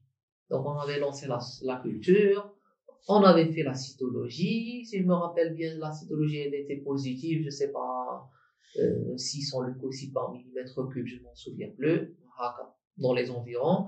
On a fait également l'équilibre lympho-leucocytaire, qui est important pour différencier tout ce qui est infection virale ou bactérienne. Donc, euh, c'était une majorité polynucléaire en faveur d'une infection bactérienne. Et on a préparé le résultat. Les voilà, la cytologie, ce qu'on a trouvé. Et la culture, on avait mentionné en cours. Le commissionnaire, il est venu, il a pris le résultat, le service concerné. Ça, après 1h30, j'ai entendu le médecin traitant, le clinicien qui s'occupait du cas. là, oui, j'ai reçu? Le résultat de la cytologie. là, oui, ok. mais maintenant, je veux l'antibiogramme. Une heure et demie après m'avoir donné le prélèvement. Oui. J'ai acheté une l'antibiogramme, c'est quoi? Au pif, vous nous avez envoyé le prélèvement? Vous nous avez envoyé le prélèvement d'Arouk. On a fait la cytologie pour l'urgence. La culture, là, on fait pas de la sorcellerie, mais si la bactérie radie, va pas se multiplier dans une heure. Ou l'antibiotique, ça, ça, Exactement. ça prend du temps. Exactement. Donc, je lui ai expliqué toute la procédure. هي قالت لي انا كنت حاسباني تعطوني l'antibiogramme ou le patient maintenant. Donc, imagine. Hmm. Euh, C'est-à-dire, euh, il y a certains cliniciens qui n'ont pas vraiment des notions sur euh, de base, la, oui, de base. de base. Et il y a c'est pour faire euh, simple, il faut toujours avoir en tête qu'il y a des kits lancés la culture avec un minimum de 24 heures pour que la bactérie pousse, c'est-à-dire hmm. pour que la bactérie se cultive. Une fois que la bactérie est cultivée, qu'est-ce qu'on va faire On va faire tout ce qui est test d'orientation et test d'identification. donc, on va identifier la bactérie. Après avoir identifié la bactérie, donc ça prend 24 heures encore, une autre 24 heures, on fera le lendemain les tests de sensibilité aux antibiotiques. Donc, pour tester la sensibilité de cette bactérie aux différents antibiotiques. Donc, c'est comme ça que ça se fait. Maintenant, pour l'urgence, on peut, c'est-à-dire surtout en tant que microbiologiste, des fois on sait à quelle bactérie, dans quel genre bactérie on circule ou là dans quelle famille. Donc mm. on peut lancer automatiquement ensemble tout ce qui est identification et antibiogramme. Ça part de l'expertise du microbiologiste parce qu'on on, peut savoir à quoi s'attendre. Donc on lance les deux en même temps pour gagner du temps, surtout dans le ce qui est urgence. Mais le minimum de 24 heures pour la culture, il y est toujours. C'est-à-dire euh, pour y avoir une culture, il faut un minimum de 24 heures. Et alors? 24 heures, c'est pour les bactéries à croissance rapide. Exactement. Il y a certaines bactéries pour lesquelles la culture, elle dure plus longtemps. Euh, des bactéries euh, exigeantes en culture. Donc, d'où ça part encore plus. Donc, euh, c'était, écoute, résident deuxième année qui J'étais bouche mais c'est pour voir que, c'est-à-dire, euh, pas tout le monde a des notions en biologie en général et en microbiologie particulièrement. Mm. C'est, c'est-à-dire, il faut, c'est pour ça que la discussion clinico-biologique, c'est primordial. C'est-à-dire, il faut jamais, jamais se contenter du résultat. Mais il faut le discuter avec le spécialiste en question. Que ce soit en microbiologie, en hémobiologie, en biochimie, etc. Quelle spécialité. Et ça ne peut qu'être bénéfique. Que ce soit pour le spécialiste en biologie, mais aussi le clinicien. Donc, euh, euh, c'est du gain assuré pour les deux côtés. Très bien. Sinon, d'autres concepts, euh, faux concepts sur la spécialité, je ne sais pas. Ça m'est venu à la tête l'anecdote parce que c'est vrai qu'il y a des gens voilà justement mais le problème c'est que vous même une idée sur les bases, tu la culture, tu as l'antibiogramme, tu as Alors maintenant, en fait, euh, je me suis un peu penché sur, le sujet ou peut-être que c'est parce qu'ils font la microbiologie un peu jeune. C'est-à-dire en Très troisième année, pas le de médecin n'est pas très aussi. mature, pas de stage ni rien, Hmm. des notions théoriques. Justement, oui. Il va Même- englober que des polychories. Et donc, Oui. oui. Il a son examen. On On a besoin même euh, d'un contenu euh, audiovisuel sur ça. Voilà. Comment faire un prélèvement, Exactement, comment le la, la culture se fait, Voilà. comment l'antibiogramme se Au moins les notions de base. Oui. Genre, C'est très important. euh, oui, c'est ça. Euh, ok. Euh, par rapport, euh, on parle les défis de, de- du carrière, du carrière d'un microbiologiste, que ce soit en privé ou bien. Quels sont les défis qu'il va rencontrer en Algérie? Euh, euh, est-ce qu'il y a des défis spéciaux? D'accord. Alors, euh, en Algérie, tu auras des défis partout. Quelle que soit ta spécialité, il y a des sûrement. défis. Que ce soit sur le plan administratif, sur le plan scientifique, il y aura des défis du jour au lendemain que Lyon a un nouveau défi à, à surmonter. Oui. Maintenant, pour parler. Euh, je reformule voilà. la question. Les gens libres diront la microbiologie oui. ou possible تحس بلي كاين دي تخيك بوسيبل لي فون فون لور بوزي ان بروبليم. تاع بلي يقول شداني ندير هاد لا سبيسياليتي. فاهمني دونك هاد لي تخيك هما اللي باغي نوصلوهم لي جون باش الناس ما تندمش من بعد على لو شوا تاعها تخي بيان تري بيان الوغ شوف ديجا بور بور لو بروميير ديفي c'est généralement pour les médecins, ils se retrouvent chouïa moteur, ils C'est faisaient pas beaucoup de biologie dans son cursus, même ils que la biologie c'est la bête noire généralement de, de beaucoup de médecins aussi. Donc maintenant, je dirais que c'est juste une étape. C'est juste sa première année. C'est-à-dire il faut qu'il rentre avec de bonnes, euh, c'est-à-dire il acquiert de bonnes bases pour continuer son cursus le plus normalement possible. Le seul, c'est-à-dire euh, euh, la seule fois où ça se voit, c'est en première année. une dernière fois, Toute la première année, si, si le résident il est sérieux, appliqué, euh, c'est-à-dire euh, euh, tout en étant avec son éthique médicale et tout pour sortir un bon résultat, il n'a rien à peur. Il n'a pas, c'est-à-dire euh, d'autres obstacles en cours de chemin, à hmm. part la première année. Sinon, bien. ça va être, euh, ça sera du freestyle, ben, non euh, donc, c'est le premier, le premier obstacle. Euh, je dirais également peut-être le fait d'être un peu éloigné euh, des projecteurs, de tout ce qui est clé, de tout ce qui est patient et tout. Là, c'est plus calme. La microbiologie, c'est plus calme. Donc, euh, c'est-à-dire, euh, même si je quitte euh, des expériences et tout, mais genre, c'est des expériences provoquées par moi-même. C'est-à-dire, تحوس تروح تسقسي منا وهنا ça va dépendre de chaque euh, résident, comment il... la personnalité Voilà, comment il voit les choses, comment... Là, pour ma part, je, je tenais à être en contact avec euh, le plus de cliniciens possible pour améliorer la prise en charge du patient. Parce que en Algérie, il y a un énorme gap entre biologie et clinicien. Vraiment, il y a un trou binédrum où ça m'a une liaison, alors que ça devrait l'être. Zama, c'est, c'est, c'est la clé pour une prise en charge adéquate du patient. C'est-à-dire le clinicien, le, plutôt le spécialiste en, exemple, microbiologie, il ne fera pas grand-chose. Par contre, s'il discute avec les médecins, s'il communique le résultat rapidement, s'il voit, s'il a une amélioration du patient et tout, ça va apporter un plus. Ou même le clinicien va venir de plus en plus vers lui. Parce que Zama, il sentira une différence avec et sans lui. Sûrement. Donc, Exactement. Et c'est aussi pour le patient. Il faut tout faire pour l'intérêt du patient. Haja qui va dans l'intérêt du patient, tu dois la faire. Même, c'est-à-dire, étant le corps médical et tout, euh, là, je me suis, c'est-à-dire, euh, j'ai remarqué un truc. Le corps médical, il suffit pas de Il faut donner plus. La râle.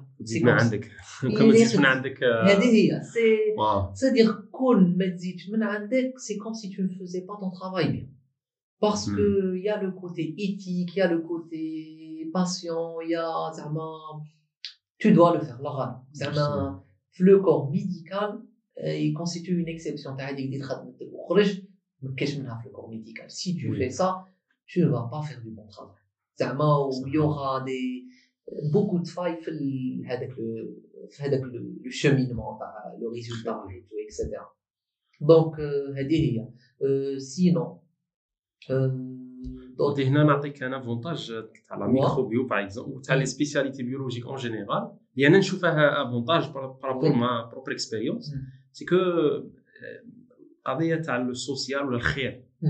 الخير أنا نبغي الخير اللي أنا ما نعرف في من نديره واللي نديرها فيه ما يعرفنيش بلي أنا درتها هذه عند لي كلينيسيان شوية صعيبة باسكو جينيرالمون لي جون امبوزو عليك هذاك السوسيال قادر داك لو سوسيال يكون ماشي خدمتك قادر. مي لي بيولو جينيرالمون كي يبغي يدير الخير يكون في هاد لا كاتيجوري سي كو هو يدير الخير بار سون بروبر شيف ويديرها عارف بلي غادي يزيد ان ابور généralement ما يكونش سو نيشان سو هذيك لا بريسيون لا بريسيون تاع لا سوسيتي سو لي فو دي بروجيكتور هذا سي ان افونتاج تري امبورطون سي كو دير الخير بغرضك انت لا فولونتي تاعك وديرها الاز دونك كي تبغي تزيد على روحك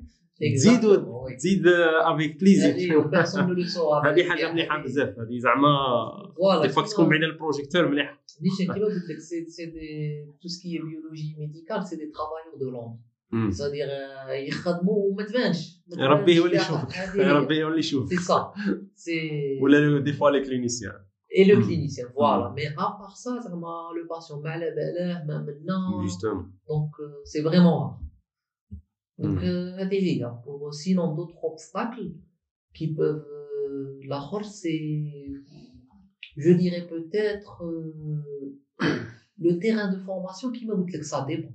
Ça dépend de chaque terrain Winrock. Il y a des trucs que tu vas faire plus, puis tel ou tel terrain. Donc, c'est différent.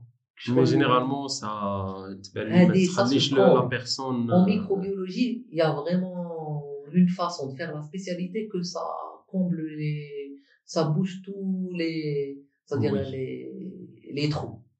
C'est-à-dire, il y a les stages, les, les stages sur Alger, il y a les, tout ce qui est les planchages avec euh, des experts en la, en la matière et tout, etc. Donc, tu arrives à combler tout. Mais c'est pas vraiment. Maintenant, bien sûr, c'est-à-dire euh, chaque terrain ou ses particularités, là, ça diffère. Et ça change, ça change, c'est-à-dire euh, c'est pas constant. Très bien. Donc, euh, c'est ça. Ça peut être un obstacle, oui.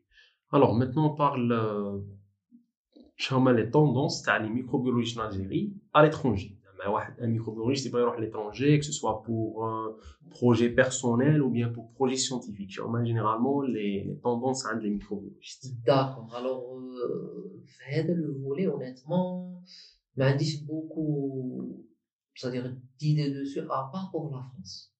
Très bien. Euh, Généralement, c'est la tendance numéro une pour la plupart des spécialités. Et pour la plupart, c'est le même parcours. Les EVC pour procéder, pour euh, Oui. avoir la procédure d'autorisation d'exercice plus tard. Le seul souci avec la microbiologie, et c'est le souci pour toutes les spécialités biologiques, c'est qu'ils n'ont pas de spécialité, c'est-à-dire séparée. C'est-à-dire microbiologie Mm, oui, séparée, oui. non, ça n'existe pas. La biologie médicale, je pense, c'est Exactement. C'est la biologie clinique, ou biologie médicale. Biologie médicale ou clinique, Oui. je sais a déjà parlé avec euh, Adnan. Voilà. Donc, c'est valable pour toutes les spécialités. Ça veut Mhm. dire, pour faire passer le VC et tout, il faut étudier toutes les autres spécialités biologiques. C'est-à-dire l'hémobiologie, l'immunologie, euh, la parasitologie, la biochimie. Voilà. Ce qui est vraiment astreignant et ce qui rend tout sens de faire toutes les spécialités biologiques ensemble. Parce que rien ne va sans l'autre. Hmm. Mais c'est, d'ailleurs, comme on disait tout à l'heure, c'est un plateau technique. C'est-à-dire, euh, elles doivent être tous, toutes regroupées ensemble. Parce que, c'est-à-dire, aucune ne va sans l'autre. Oui. C'est obligé. Donc, euh, je dirais que c'est un inconvénient parce que c'est vraiment difficile de faire toutes les spécialités et tout. Maintenant, C'est c'est la même chose pour un, par exemple, quelqu'un qui veut faire un stagiaire associé, FFI, c'est la même chose ou oui, bien oui, c'est presque la même chose. Pour les FFI, normalement, c'est la faire même les, chose. les cinq Oui, spécialités il faut. Mais par contre, tu peux être accepté en tant que Ah, microbiologiste. très bien. D'ailleurs, ce qu'on m'a dit, c'est que euh, l'expérience en tant qu'FFI euh, va être extrêmement bénéfique pour le concours. Parce que, étant FFI, tu vas savoir comment répondre aux questions, etc. Donc, tu vas avoir une certaine expérience Hmm. et en même temps combler toutes les, les lacunes que tu as dans les autres spécialités, notamment et tout. Donc, euh, c'est-à-dire en faisant FFI, tu as plus de chances d'avoir euh, ton examen. Oui, voilà, ton examen. Donc, euh, sinon, pour les autres pays, on n'a aucune idée. Je dis Aucune idée parce que idée. probablement il n'y a pas assez de, de microbiologistes qui va, Et- va là-bas. Peut-être c'est ça, Oui, oui, je connais pas beaucoup. Oui, justement. oui. Ceux que je connais. C'est pareil pour euh, les autres Ils ont euh, fait FFI. spécialités biologiques. oui. Ils ont pareil. fait un faisant fonction d'interne, ceux que je connais. Sinon, pour développement ouais. professionnel. Ouais. Ah oui, j'ai pour l'Allemagne. Alors pour l'Allemagne, je sais que par exemple pour un médecin, un médecin c'est possible de faire de continuer en tant que spécialité. Hmm. Je ne sais pas s'ils font toutes les spécialités de par qui à la France ou là en microbiologie ou je ne sais pas. Mais par contre, je sais que pour un médecin c'est possible, mais pour un pharmacien ce n'est pas possible ah, de faire la microbiologie. Euh, Exactement, parce que pour l'Allemagne, un pharmacien, il peut faire seulement les spécialités industrielles ou pharmaceutiques ou ah, fondamentales. Ils n'ont pas de spécialité biologique pour le pharmacien. Ok. Normalement, c'est comme ça, oui, en Allemagne. Sinon, pour les autres pays, on n'a aucune idée. ça. Parce Je qu'il n'y en sais a pas assez de. Oui, on n'a pas On assez de recul, mais quand j'ai beaucoup de, Justement. de spécialistes. C'est pareil sont- pour les, la, l'hémobiologie. Oui, on on a déjà parlé avec Kamen. avec Kamal Oui. et Moukran, oui. Oui, parce que là, on est dans le même panier. Là. Hmm. Donc, euh. Ok, très bien. Donc, on passe à la dernière question, normalement, dernière Oui. partie. C'est les perspectives et l'avenir de la spécialité, et l'avenir proche de la spécialité en Algérie. Est-ce D'accord. qu'il y en a des nouvelles techniques, de nouveaux horizons? Alors oui, Oui. pour euh, vraiment pour la microbiologie, Pour motiver les gens Oui, c'est veine. continuel développement. Oui. D'ailleurs, vraiment, elle a été mise sous les feux du projecteur depuis la Covid. La Covid, où la microbiologie tendance. Tendance, oui. Est vraiment, ça est microbio, microbio. Ouais, les établissements jamais recruté microbio ou là, ils demandent euh, avis de recherche, microbiologiste, transna microbiologiste, microbiologiste. Donc vraiment, Z, euh, La demande. la demande à l'IA, alors que elle est tout autant utile depuis le départ. Zama, la microbiologie reste utile, c'est juste que elle a été mise sous les feux des projecteurs. Mais Oui. son, son apport et tout est crucial et un- c'est-à-dire indéniable. Donc maintenant pour les perspectives, euh, maintenant qui m'a c'est le fait, euh, on parle de, on cherche des moyens, tout ce qui est rapidité. On cherche des, des techniques diagnostiques qui sont tout autant rapides, efficaces et qui peuvent faire le tout. Donc, par exemple, si on va vers l'étranger et tout, ce qui est microbiologie classique, culture, test de sensibilité aux antibiotiques, elles ne sont pas faites seulement en première intention. Genre, généralement, ils, ils font tout ce qui est biologie moléculaire, c'est pour, c'est-à-dire avoir un diagnostic rapide. Et en parallèle, l'autre euh, côté, il est fait. Là, malheureusement, pour des questions de coûts et tout, etc., ce n'est pas généralisé. Donc, la biologie moléculaire, la première chose, c'est la généralisation de la biologie moléculaire. Euh, notamment pour les, les infections les plus, c'est-à-dire les plus handicapantes, les plus dangereuses et tout, ce qui est méningite, euh, infection du système nerveux central, etc. Donc, euh, entre autres. Euh, autre que ça, alors l'innovation en microbiologie est toujours euh, d'actualité. Il y a tout ce qui est euh, les vaccins d'ailleurs qui se qui sont en continuel développement et tout. Par exemple, pour euh, il y a eu un vaccin récent qui est pour le VRS. Le VRS, le virus respiratoire syncytial, il y a un vaccin qui a été développé récemment. Et je pense qu'il a eu son autorisation de mise sur le marché en, je pense en juillet 2023 ou quelque chose comme ça. Ça va très récemment. Donc Mm. euh, tout ce qui est euh, le calendrier vaccinal national aussi, il a été mis à jour. Ça fait une un année ou bien deux ans. euh, non, euh, une dernière mise à jour, c'était oui en 2023. 2023. Oui, en 2023, il y a eu la dernière mise à jour. Je pense en décembre. Parce que je l'ai, je l'ai révisé pour le DEMS. Pour, Ah. euh, sur le, À jour. fallait être actualisé C'était le euh, 11e, le ROR ou bien c'est un truc comme ça. 11 il y avait- ROR, oui, c'est ça. Oui, Euh, il y a eu juste une seule modification faite, je pense, euh, le, le VPO. Ah, ça. Euh, donc, euh, aussi, donc, comme on a vu avec la Covid, donc il y a, c'est-à-dire le risque d'avoir une autre pandémie à un virus donné est très possible. Très possible. Surtout qui m'a dit que les virus à ARN, Hmm. même généralement, après, c'est-à-dire la pandémie Covid-19, les laboratoires doivent se préparer à cette éventualité. Donc, éventuellement s'équiper de tout ce qui est euh, des réactions de biologie moléculaire, Ah, ok. notamment les automates de PCR. Alors, c'est super important parce que à tout moment, on peut avoir une autre pandémie, un autre variant peut ressortir. Déjà, il y a le variant JN1. T'as la Covid qui fait encore, euh, voilà, Très bien. qui, qui aurait un dérivé de l'Omicron, ça n'en finit pas. les variants et tout, ça n'en finit pas. Pour les bactéries, ça en Tout ce qui est résistance aux antibiotiques, c'est vraiment euh, un problème de santé publique. Des fois, à l'hôpital, on retrouve, euh, on a des antibiotiques, ah, clichés multirésistants. Il n'y a pas d'alternative. Mmh. Vraiment, les antibiotiques qu'on teste sont tous inefficaces. Et là, ça rentre dans le développement de nouvelles de nouvelles euh, optiques thérapeutiques. On parle euh, notamment de, de bactériophages, la phagothérapie. Oui. Parce qu'il y a dessus ou là. C'est une bactérie qui attaque, euh, on, on fait un design, oui, faire une, une sorte de, de design d'une bactérie formée par le- les chercheurs pour attaquer les, Alors, les virus ou bien les bactéries. Alors, c'est un virus qui attaque les bactéries. Ah, un virus qui bactéries attaque les bactéries. Ok. Donc, et il peut provoquer un cycle lytique au niveau de la bactérie, donc il peut la détruire. Donc, Voilà. euh, c'est une alternative thérapeutique. Il reste juste le C'est un nouveau problème. traitement. Voilà.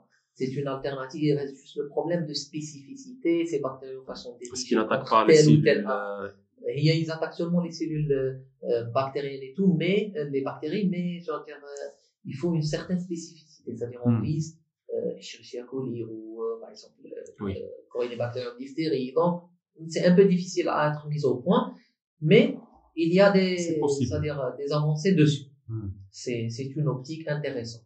Euh, autre chose, ce qui est important en microbiologie, on va dire, en bactériologie plus précisément, et c'est ce qui manque malheureusement dans notre pays, c'est qu'on n'a pas de schéma nationaux de prise en charge thérapeutique pour, devant telle ou telle infection.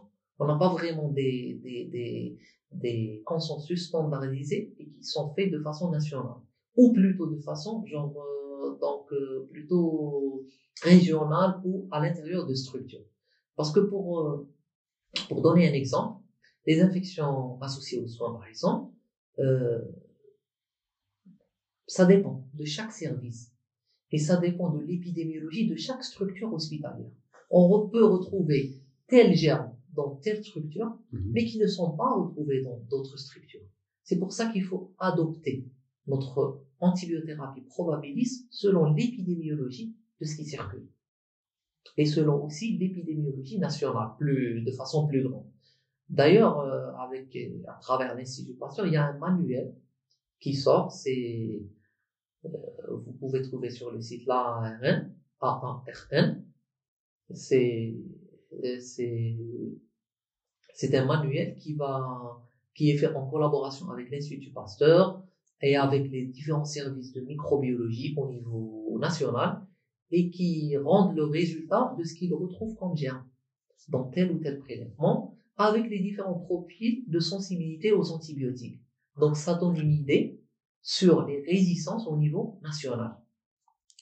Mais même à quand ça reste insuffisant parce que ces, ces mesures doivent être faites de façon genre plus plus euh, plus centralisée, genre de façon tel hôpital, un sa base de données sur ce qui circule comme germe, tel ou tel service et tout, pour adopter des antibiothérapies probabilistes devant euh, une infection nosocomiale notamment. Il faut trop de travail, euh, même avec les épidémiologues aussi. Exactement, même avec épidémiologues, les épidémiologues. Mm. En microbiologie, c'est important l'épidémiologie. C'est mm. très important pour nous. Déjà, devant un type d'infection, il faut savoir quelle étiologie vient en premier, la deuxième, la troisième et tout. Mm. La fréquence, voilà, de fréquence. Malheureusement, en Algérie, on manque crucialement Trop de données, 15 les données. C'est-à-dire, je pense que c'est valable pour toutes les spécialités. Les spécialités données, qui, qui, euh, qui dépendent surtout des statistiques. oui. Exactement. Il y a peu de publications, il y a peu de données, peu de recherches et tout. Mhm. Donc, euh, il faut améliorer ça. Oui. C'est c'est vraiment primordial parce que ça conditionne toute notre prise en charge thérapeutique en cas d'infection. Très bien. Donc, euh, pour tout ce qui est aussi également d'autres outils diagnostiques, alors on parle d'autres outils diagnostiques, euh, ce qui est spectroscopie de masse et tout.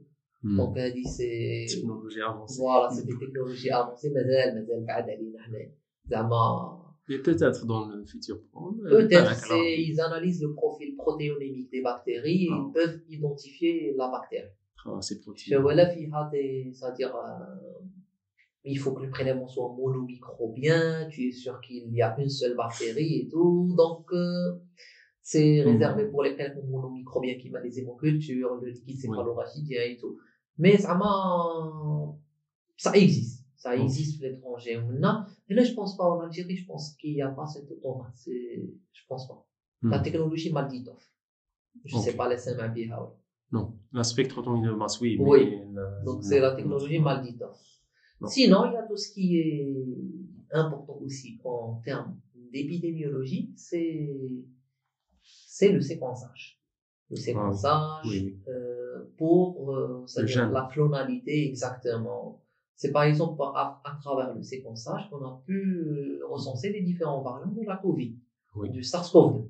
Oui. Donc c'est à travers le séquençage. Sinon, ça ne serait pas possible.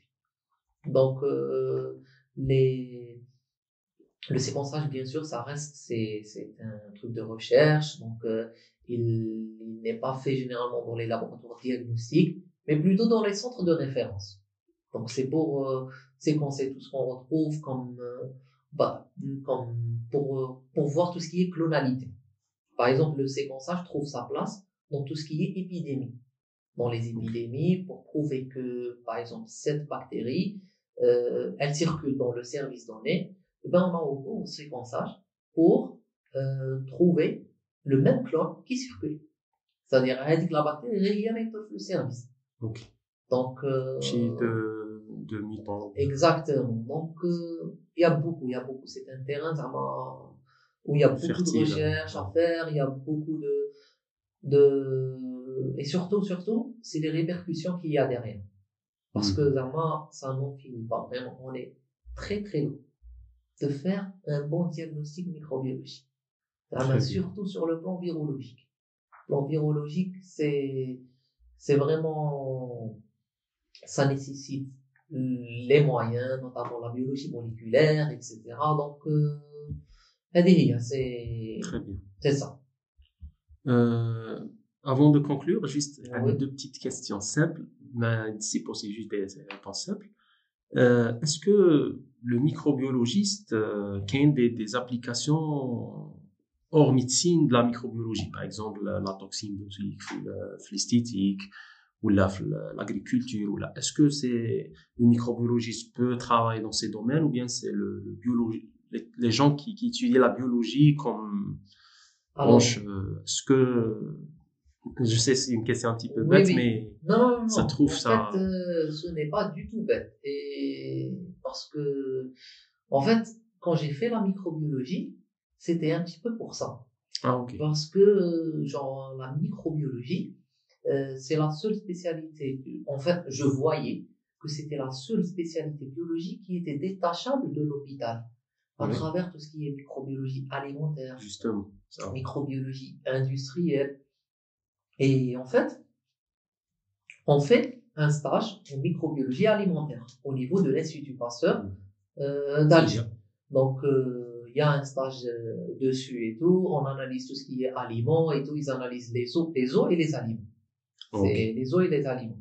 Donc, c'est un petit plus pour notre formation, même si ça reste, c'est-à-dire à la base, notre formation, c'est la microbiologie médicale Médical, donc ou plutôt la microbiologie clinique. Donc euh, ça reste un certain volet, mais genre euh, à perfectionner. Genre, Il faut faire de- des formations euh, exactement. supplémentaires. Genre, voilà. Là, c'est-à-dire quand un microbiologiste euh, a son DEMS, c'est beaucoup plus dirigé vers la microbiologie médicale.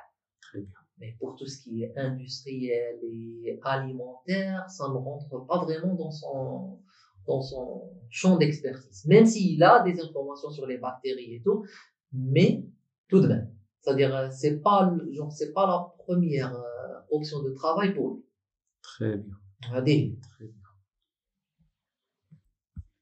Très bien. آه، يعطيك الصحة دكتور خليل بارك الله فيك سي حمزة آه، في لافان كاع آه، عطيتنا داير ان تري بون كونساي او ميليو دو لا دو لا سيونس اللي هو باللي لو بريلèvement Le Oui. prélèvement, c'est pas un prélèvement, c'est un patient derrière. C'est un Oui. conseil très important pour la plupart des, des médecins euh, en, biolo- euh, en médecine bio- en, en spécialité biologique. Même en termes de clinicien. Même en termes de C'est clinicien, valable voilà. pour les deux. Oui, vice versa. هو من يدير le prélèvement ما ينساش. ما ينساش يعني باللي يتفكر بلي هذاك سي pour le patient pour donné. le patient آه. دونك يعطيك الصحة بغيتك تمد ان كونساي تري بريسيو اللي بالك انت تمنيتي تمدو لك ملي كنت داخل في لا- في لا ميكروبيولوجي شنو لو كونساي لو بلو بريسيو بالك اللي ولا دو كونساي ولا تخوا اللي ت- D'accord. تمنيتي يقولوهم لك ملي كنت داخل لا ميكروبيولوجي Alors, euh, en fait, euh, un, euh, bon, mon histoire est un petit peu particulière qui traite la microbiologie. Déjà, c'est que j'ai fait mon, là, en sixième année pharmacie, on fait des stages, le stage d'internat et on fait un mémoire de fin d'études. Oui. Donc, je l'ai fait, le service de microbiologie au CHU d'Or. Le service, il est fait résident. Très bien. Donc vraiment, qui traite le service, euh, j'ai beaucoup apprécié la microbiologie. Et je m'étais promis de revenir au service en tant que résident. Zama, C'était vraiment... En fait, et il y en a en sixième année pharmacie, j'ai fait différents stages en rapport avec ce que je voulais faire Mhm. euh, étant résident. Et j'ai un petit peu testé, on va dire, les différentes spécialités où c'était la microbiologie où j'ai vraiment accroché. Très bien Donc, euh, c'était comme ça que j'ai choisi la microbiologie. J'ai même, c'est-à-dire, ma première année de résident, euh, je n'ai pas pu faire la microbiologie. J'ai fait une autre spécialité, j'ai démissionné et refait le résident pour faire la microbiologie. C'était vraiment genre, euh, j'ai tout abandonné, c'est-à-dire, euh, euh, bon, ce qui s'est passé, c'est que euh, je me sentais, je sentais que je m'éloignais de ce que je voulais. Donc j'ai Ok. vraiment tenté le tout pour le tout. Au Bolt qui imagine, que ce soit, c'est-à-dire, euh, j'étais vraiment très très très très prêt à tout tout, tout encaisser. Hmm. Que ce soit تاع la microbio, même si je résidana ou là, j'étais vraiment prêt à tout. Parce que je l'ai je l'ai fait, زعما, euh, c'était une envie personnelle. C'est-à-dire حسيت باللي كون ما نعاودش الريزيدانا وما نديرش tous mes efforts euh, pour faire euh, ce que je veux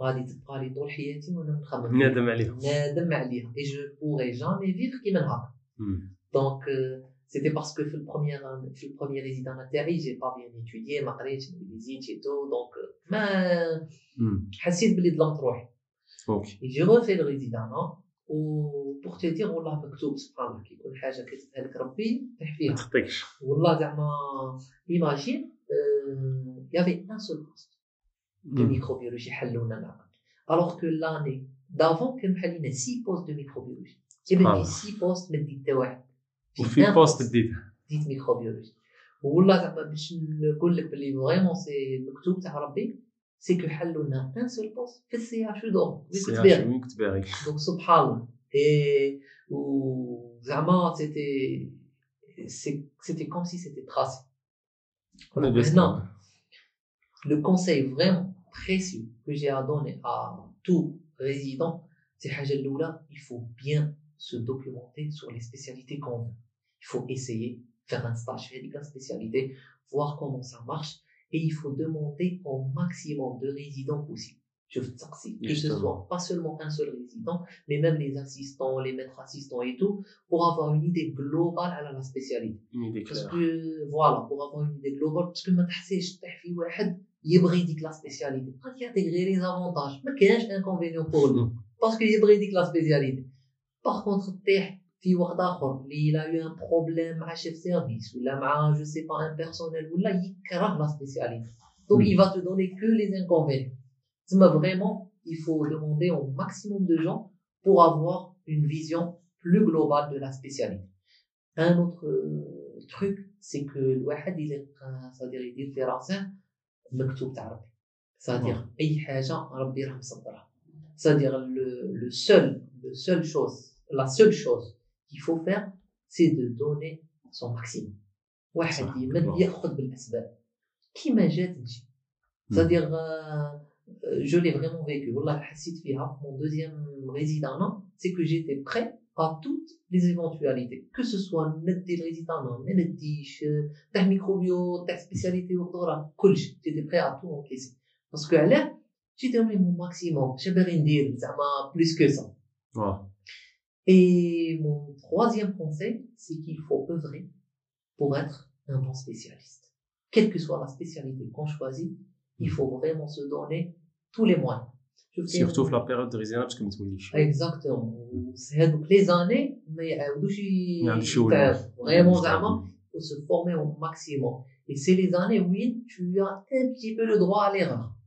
Justement. Mais موراها من تولي spécialiste, L'erreur عندها Voilà, هو les- très très les important. erreurs ont un impact ça m'a indélébile Oui. ça m'a vraiment تسمى كاين كاين un proverbe qui يقول لك euh, euh, do what you love. Plutôt, oui. Là, il que love what you do, so you can do what you love. Oui. C'est-à-dire, euh, il faut tout d'abord aimer ce que l'on fait pour pouvoir faire ce qu'on aime. Voilà. Donc, euh, c'est vraiment primordial. Il faut toujours faire les choses euh, c'est-à-dire trahir la spécialité. Pour toutes les spécialités, زعما c'est pas là. Trahir les- la spécialité اللي capable تمد فيها وكابابل تصبر عليها. Parce que شوف كاع les spécialités عندهم avantages, عندهم inconvénients. Il n'y a pas de spécialité parfaite. Hmm. Donc, euh, على بها vraiment le choix هذا. C'est un choix de carrière.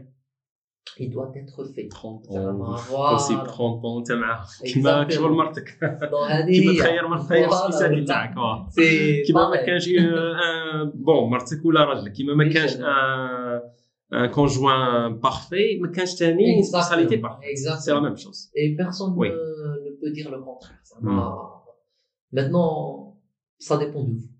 Donc, Justement. euh, bon courage aux futurs euh, résidents. ان شاء الله إيه. فيزيو ميكروبيولوجيست هذه هي فيديو بكم مرحبا بكم معنا بون انا صاي ما يقونيش السيرفيس هذه En fait, on sait pas ce que nous, ce que nous réserve l'avenir. Je pense que, machallah, عطيتهم une très bonne idée, une idée très claire على la spécialité. لله، الحمد الحمد لله. لله. Même أنا, آه، هذا شو جاي وقتك؟ كيف سي ترو دو وي دير معايا trop de- ميكروبيولوجي الوغ نعاود ن- عاود لي لانا لا سيتي تري انريشيسون يعطيك الصحة والله أيوة، ميرسي الحمد بوكو لله. حمزة بارك الله فيك خويا ان شاء الله تكون في ميزان ان حسناتك شاء الله ان شاء الله ولي جون ان شاء الله اللي عندهم دي كيستيون ولا يحطوا لنا مرحبا في دي بك. كومونتير كو سوا سبوتيفاي ولا في فيسبوك ولا يوتيوب ولا ان شاء الله ونرسلوهم لك ان شاء الله بالك نديروا معاك شي نوتر ان شاء الله ولا إن شاء دي الله. في نشوفوك في دي فيديو سور لي ديفيرون بريليفمون بالك دير لنا Oui, في oui, فيتور ما حسينا éventuellement, شوي oui, oui. Oui. Inch'Allah, ان شاء الله Parce pourquoi que pas l'information médicale est importante. Enfin, le sens, Justement. c'est. ماذا بينا نشوفوا Oui. un contenu euh, pour les cliniciens pour les Oui. médecins biologistes les pharmaciens ان شاء الله Inch'Allah. يعطيك pourquoi الصحة pas, سي oui. حمزة بارك ما الله فيش فيك مشكل. نشوفوك صحيح. ساعة عزيزة ان